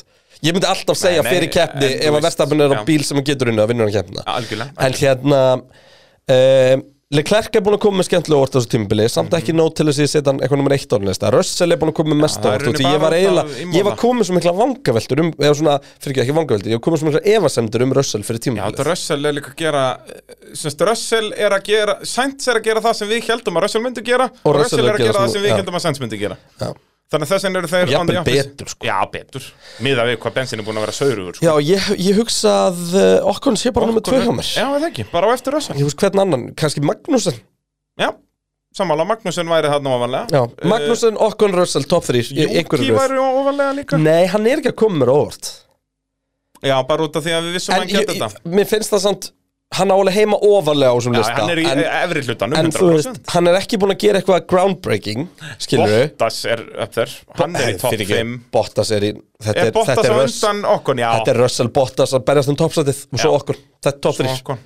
Við glemdum honum bara, bara Já. sorry, elsku Bottas minn Uh, Norris kemst ekki þarna Nei. uh, Já, Mick í sörnum Albon, Albon, hann var allavega í topp 10 leikandi Já, hann var í top 5 það ekki, er hann Já. ekki bara rétt á Ég held eftir að séu okkur konum í top hérna. 5 minna Já, ég held það uh, Dásamlega heitt, uh, en Alfa Tauri, já þú veist, eigum við að ræða það eitthvað meira Þú veist, Nei. djöfull er bara bílinn lélugur hérna Já. Þeir bara náðu ekki Gastil á því reglubreytingum. endalusum bilunum Já, svo fyrir utan það, ekki nóg með að bílinn er hægur, þá er hann alltaf springandi í loftu sko. Nei, nei, hljöfum bara í gegnum þetta Það er, það er mikilvægur hlutir að ræða Já, eins og til dæmis Viaplay, wow, wow, wow Meistur þetta úrslitin um helgina Já, og Indianapolis og Monaco ha? Og svo er, Litla svo er prógramið. hérna Íslensk landsliða að spila í þjóðadeldinu Heyrðu, já, þjóðadeildin er að byrja er líka. þriðið þær á miðvikudaginn Þetta er bara vitleisa sko Og svo allar þessar bíómyndir sem við varum að tala um sem er að, ég elska að nú kemur bara listi við bíómyndir sem að droppa skiluru núna bara mánaðamótin Já, það verður að Og- peppa þér Já, Það er þetta bara- ákveða bara, ég og þú getum bara planað hvað við ætlum að horfa á með með mönn sem kanti flósa okkur á 17. júni Já, það er nákvæmlega sem við getum gert Og nú þegar, þú veist, allar sómyndirnar eru komin inn fyrir Já, þá sem að æðislegt elska, stöff. elskar hyllingin sko og Þú veist, allar það er missan þetta ekki bara impossible spurningum mæta að elska hrylli, það er bara spurningum að elska viðbjóð Já, þetta, ég elska, Viss, veistu hvað fyrsta sómyndin kostaði? Uh, Nei, var eitthvað klinka Það er, þú veist, venjuleg bíómynd er svona, svona þessar low budget myndir eru kannski svona 50-60 miljónum bandaríkjadala Einmitt. og fara, þú Low veist, budget Lofblóðbjöðsmyndirnar, fyrsta svo myndin 1,2 miljónir og náttúrulega Gróis það er bara einhvern 300 miljónum eða eitthvað sko, þannig að það er, það er djöfulli gott Það fór allir hlæðið í bankan þar já, það er svolítið svo leiðis en eh, já, bara dásamlegt magna af eh, bíómyndum En og ekki ég stöfnum myndi þarna. sjá mikið mun á þá 1 og 2 þar sem að 2 var í komin í 1100 miljón dólar eða eitthvað Nei, þær fóru nefnilega aldrei svo hátt, skilur Nei, Nei, ok. Þeir tífölduðu budgetið, en það var ennþá bara 10 miljónir Já. En, En þú eh, veist, sé ég gæða mun já, já, þú veist, ástæði fyrir því að fyrsta sómyndin var svona ódýrir og þau- þau notuðu bara eitt herbergi Þetta voru bara tveir gæjar, bara, þú veist, tvítugir gæjar sem vildu gera hryllingsmynd, Já. áttinga peninga Þá hugsaðum, heyrðu, skrifum bara handrið þannig að þetta gerist bara í einu herbergi Og þú veist, fyrsta sómyndin er bara, þá eru þeir tveir hann og hann sagar að sér löppina Já. Bara basic stuff Einmitt. Þetta er ekki flóki Haas. Eh, Haas, Ferrari, eru í áttundasæti bara tveimur stegum að eftir Alfa Tauri eh, Ég eru samt á eftir Alfa Tauri Já, En það er náttúrulega að spila svolítið inn í að Mick Schumacher er með ónæmi fyrir stigum Hann, Já. hann hefur smitast að rössal Já. Talið það, ert þú með eitthvað skrítin útbrótið eða eitthvað hannig? mjög lítið sko Hann hótt ekki komið að ababólu Ekki með ababól, nei, ég er samt með mikið að bólum á bakinu sko Gæti- En það er gæti náttúrulega bara þetta ég verið. sterakökull sko Gæti verið, Maður er að dæla í sig gæti, bara gæti verið ababóla Já, gæti verið sko En ég Þú er náttúrulega varst að stund tala ekki um kynferðisnokk Fyrst, fyrst er, er kvef einkenni Já, og svo færðu útbrót en ég er hreitt sveitt sko Já, ef fyrir utan það þá, þú veist sko, En svífur þetta bara í loftinu og inn í penisinu Þetta er nefnilega sko, þetta er ekki, þetta er ekki kynnsjúkdómur þótt að hann smitist við náið samneiti Já, En þú veist, ef að ég og þú varum kemur bara í mjög alvarlegu samtali alveg við það að fara að kissast í svona tíu myndur þá gerum það gætu við nú smita alltaf. hvernig annan sko það vita þannig að fáður alltaf þegar introð er í gangi og við erum ekki um kveikt á Horfið- margnum. Horfist þið djúpt í augun Nei, Já, förum í sleller yfirleitt Eh, Ég er ekkert Um, um, ekki trættur um að viðkynna það nei, Það er bara mjög veist að fólk er alveg að Þú veist, við förum í góðan ég mynda sér sleller það á meðan Já, góðan sleller í tíu sek Svo kveiki ég á GoPro-vilni og við byrjum Ah, Það einmitt. Ah, er svoleið sem þetta virkar, sko Þannig að, að Jú, Var ég að fá þetta þá frá þér? dettum oftast í slennan þegar Peres horfir í augun á okkur Já, það er yfirleitt Þá erum við að hætta Það er kjúið okkar að, að hætta, sko Að- að- Þegar að Peres Shit, þegar hann það grát Snapchat filterinn var settur á þetta eitt og það er svo fyndið Já, ekki, og líka bara á viðtöl Hefur sástu p- post við, Það er besta sem við vitum Þegar aukumaður er svona bara pínu fút Svona, já, dekkin voru ekki alveg að- að endast Og eru, dekkin er ekki alveg að- Þetta er það besta sem ég hef nokkuð tíma vitað um sko. Og ég er ekki mikill snabbtjátt fylgdara maður En þetta sigraði mig sko. Já, herru, Kevin Magnússon komst inn í Q3 Mick Schumacher komst í fyrstskiptin í Q3 Bara bing, bara Eh, boom. En þeir klára í 17. og 14. sæti með engin stig Þvílíkir Mick Kevin reistir. náttúrulega lendir í þessum áreikstriðanum við, við Hamilton í byrjun Þurfum við eitthvað að dæma þar? Var þetta ekki bara 51-49 Hamilton?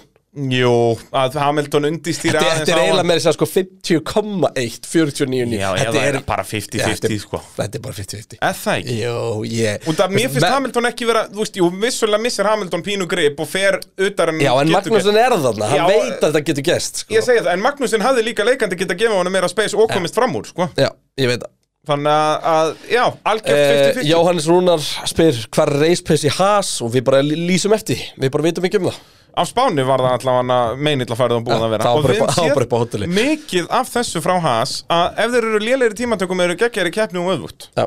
en ég er spenntur að ræða næsta lið Eh, Mun mikið eitthvað tíman fá stig nei, næsta, já, já, einhvern tíman Það var bara spurning sem við fengum Já, þú veist, hann er, er svona eins og Russell Hann mun fá þetta eitthvað tíman setna par tímabils en ég er spenntur að, að, ræsa, að ræða næsta lið og Guð minn það er almáttugur. bara af einni ástæðu og það er eiginlega ekki til að ræða þetta lið, það er Aston Martin þeir gera ekkert í þessari keppni, Fettil 16 Stról 17, tímatökum Fettil næra klára 11 Stról 15 en þetta shithousery hjá Horner of Co Ég elska að þetta mæta svo mikið, sko. með græna Red Bull dósir í fyrsta skipti ever eitthvað, eitthvað kaktusbræð sem enginn Já. hefur heyrt um Sem var ándjóks bara keift í ykkur búið Þetta var bara, allt bara spænst bara, merkt að bara hlaupa út í karrifúr og, og Já. keft hérna og bara fyrir epist shithousery Já, og líka hvernig þið voru með bara 15 dósir af þessu á pitvollinu já og allir inn í pittur með því Já, já, þú veist, vasanum og það er eitthvað yfirleitt tvö vaskljós þarna, sko, Já. það er ekki, þú veist, hann er ekkert að dæla í sig, hann er ekki að kreista honi sér Red Bull dósir, sko,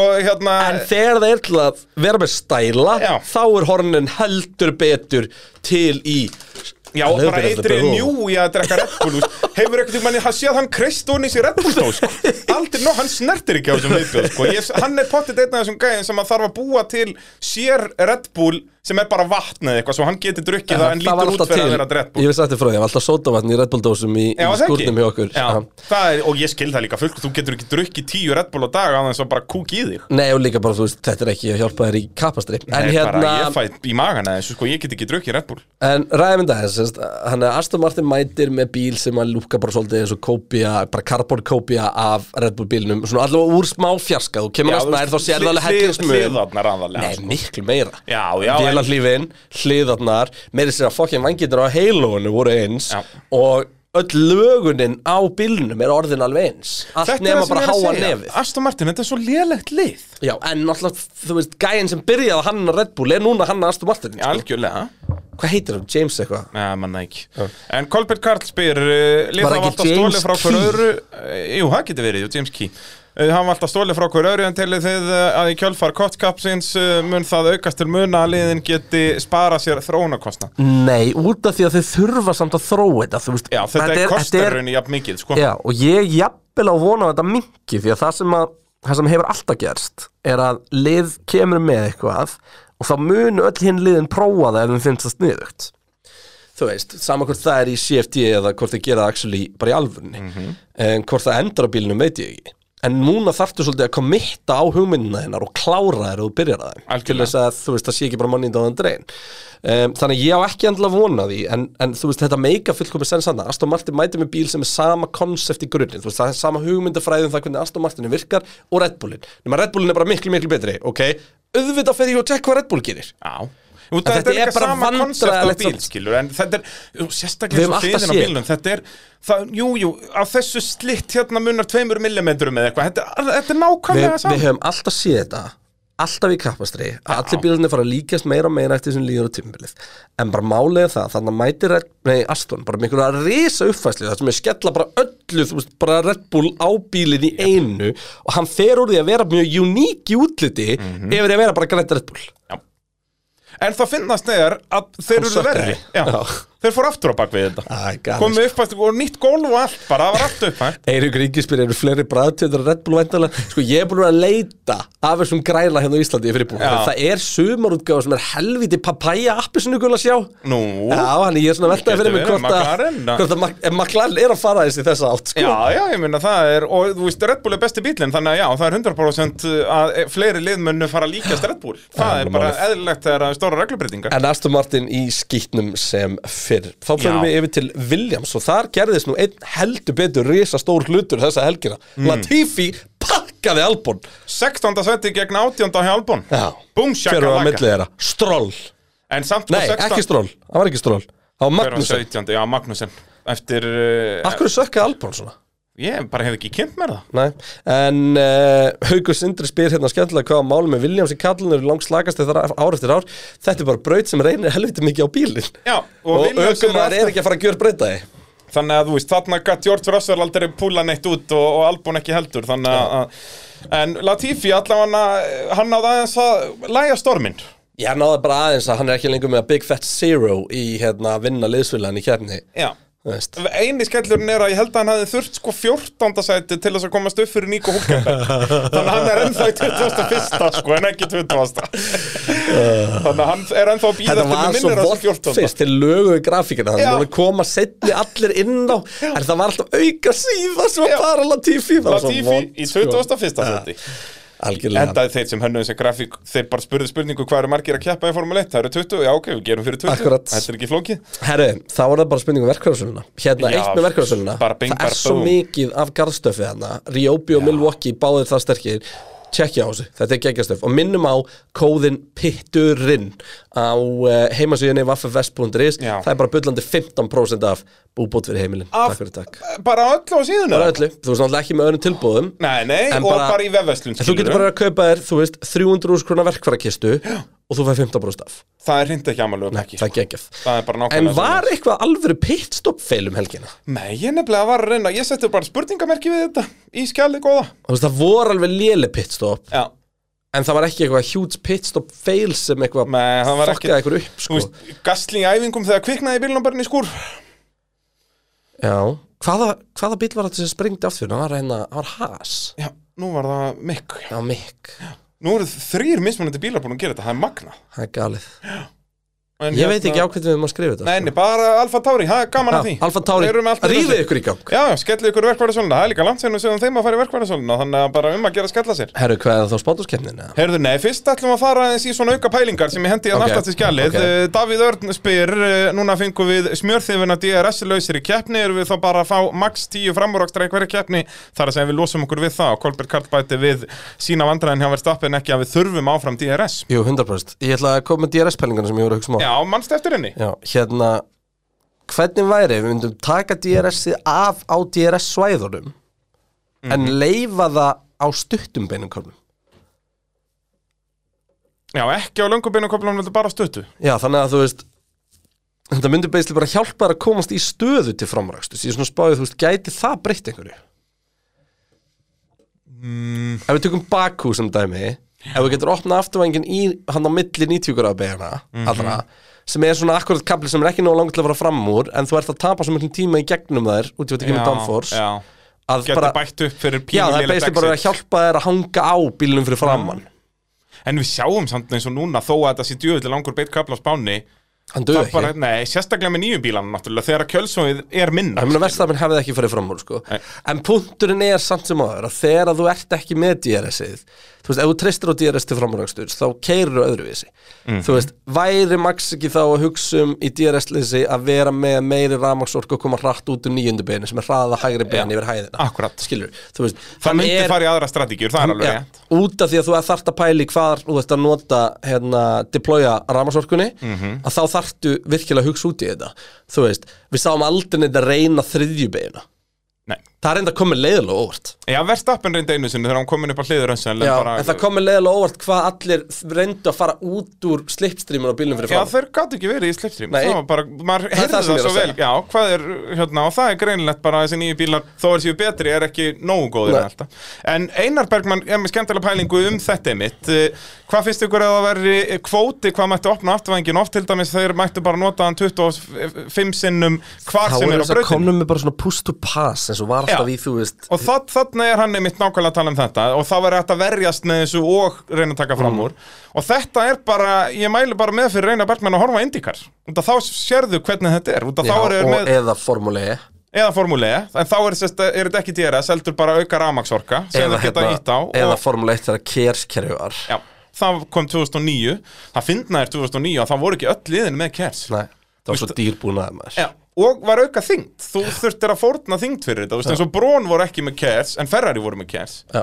þess vegna þú og ferri voru alltaf í vesinu með það alltaf í vesinni, en síðan þú veist eins og á Monsa var þetta, nei á Spa var þetta snilt út af því að þá voru þeir með þetta á beinuköflunum og það var bara ekki hægt að taka fram úr, alveg Einmitt. sama hvað þá bara, heyrðu hann er að koma nálægt mér, já, smá kjærs Ja, þetta er alveg ágætis pæling en ég bara En þú veist- vona að við getum haldið áfram að þróa bílina þannig að við þurfum þetta ekki Þú veist, ég er ekki DRS heitir sko menn ég elska það samt ekkert, sko Nei, þetta ég er alveg samanlega En þú veist, það djöfulli gimmick, væri sko. ekki framúrækstur án þess ég veit það, það er að lásta fyrir þetta komur En þú veist, jú, það væri alveg framúrækstur án þess en það væri bara miklu færri og væri miklu minna um þá og ég held að við þurfum að vinna meiri í dekkjónum áður en við getum farið að vinna í að losa ykkur DRS Það er nefnilega máli, eins og þannig, núna vorum við með þryggjastoppa kefni og þá vorum við að fá mikið af svona skringilegum framúrökstum Einmitt. út af því að það er bara svo mikill hraðamunur á bílum Já.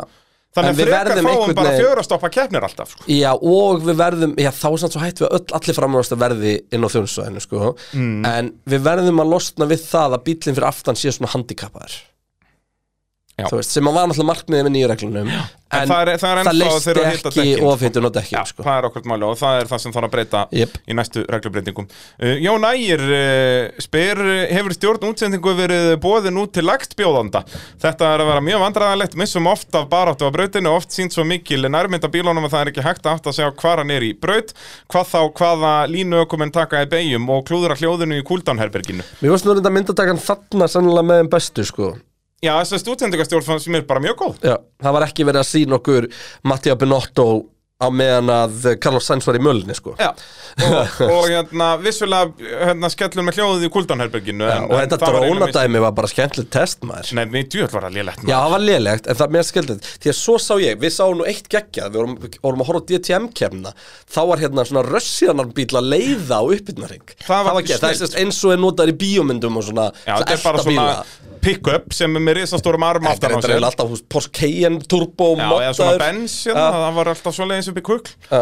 og, hérna, og er bara með risastórum svona arm aftan á sér Já. sem er með steadicam aftast á og, þannig að getur, og þetta er bara krani sem er þetta stjórna og henda getur farið upp og niður og hæra og vinstri og allir pakki Einmitt. og það var mega cool á uppbyrnurringi þessu Sjúklega DTM soft. út af þetta var svona eins og geðvett steady drónaskott bara Nei, af- þetta var af eins og að bílum. horfa á replay af uppbyrnarhingi Gran Turismo Já. Líka út því að það var Toyota Supra rauð og hvít fremst sem er svona Við ekta horfum Gran á þetta Turismo var bíll. bara, heyrðu, við erum að horfa á Gran Turismo Ja. Þetta var bara nákvæmlega svoleiðis En einmitt, já, Friðrik Gunnar spu- spurði með þessi drónaskot sem þetta verið slaft og ég sammála Þú veist, En Ég málið er hef séð það samt, drónaskot af já. rallycrossi Það er að styrlaðasta sem ég hef séð Þá er það bara svona eins og sérst í third person view í sko. töluleik Já, svona, og, með og geðveikt. það, það sýnir slægin betur heldur myndaðan hliðin á brautinni Þetta var eitthvað, hann var alltaf átt uppi Reyfingarnar voru geðvegt, körkví á bjónalegar Þetta var mjög léleg lélegt. gæði, Þetta var mjög hristist lélegt. geðvegt mikið Með við Formule 1, þá ættu þeir að vera búin að rífa sig í gang En ég held að drónar muni 100% koma meira og meira inn og ég En mér hlaka er bara bara til magna að formúlan sé ekki fyrst að þessu vagnin sko. Já, ég hef líka bara haldið að það væri þá líka bara eitthvað svona átó, bara búið að prógrama flugið og þú bara ætti að elda bílinn og bara þegar bílinn er komin hér, þá er drónin hér og svo bara, Og eins og í Mónako getur hæg braut, þú getur elda á allan ringin sko. já, þannig að enda upp á svölum hjá mömmaslega klerk með drónin já, þú En þarft ég minna þá að fá veistu góða hvert þú flugmenn. sækir hann Ég segi það, en þú bara ert með góðan flugmann í það skilur Ég held samt sko, eitthvað svona svo dróni er ennþá það mikið að klikka hann mætti aldrei vera þannig að hann gæti dotti á brautina sko, Ég veit það, þess vegna held ég að þetta er ekki er ekki meira sko eins og þarna sá Þú veist, rall- Rallycross bíl myndi bara keiri við dróna Já, og, og þú veist, eins og ég gerir þetta í ameríska rallycrossinu og þá er hann alltaf fyrir aftan bílana, Ja. sko og hérna, en það er náttúrulega þess að voru þessi drónar sko þarna svona og það drónin mátti ekki verið yfir brautinni, skilur Einmitt. og það er þannig bara, það er í reglum er þess að bara í íslensku motorsporti að þú, með drónaflug að þú mátt ekki fljúa yfir keppnisvæði Já.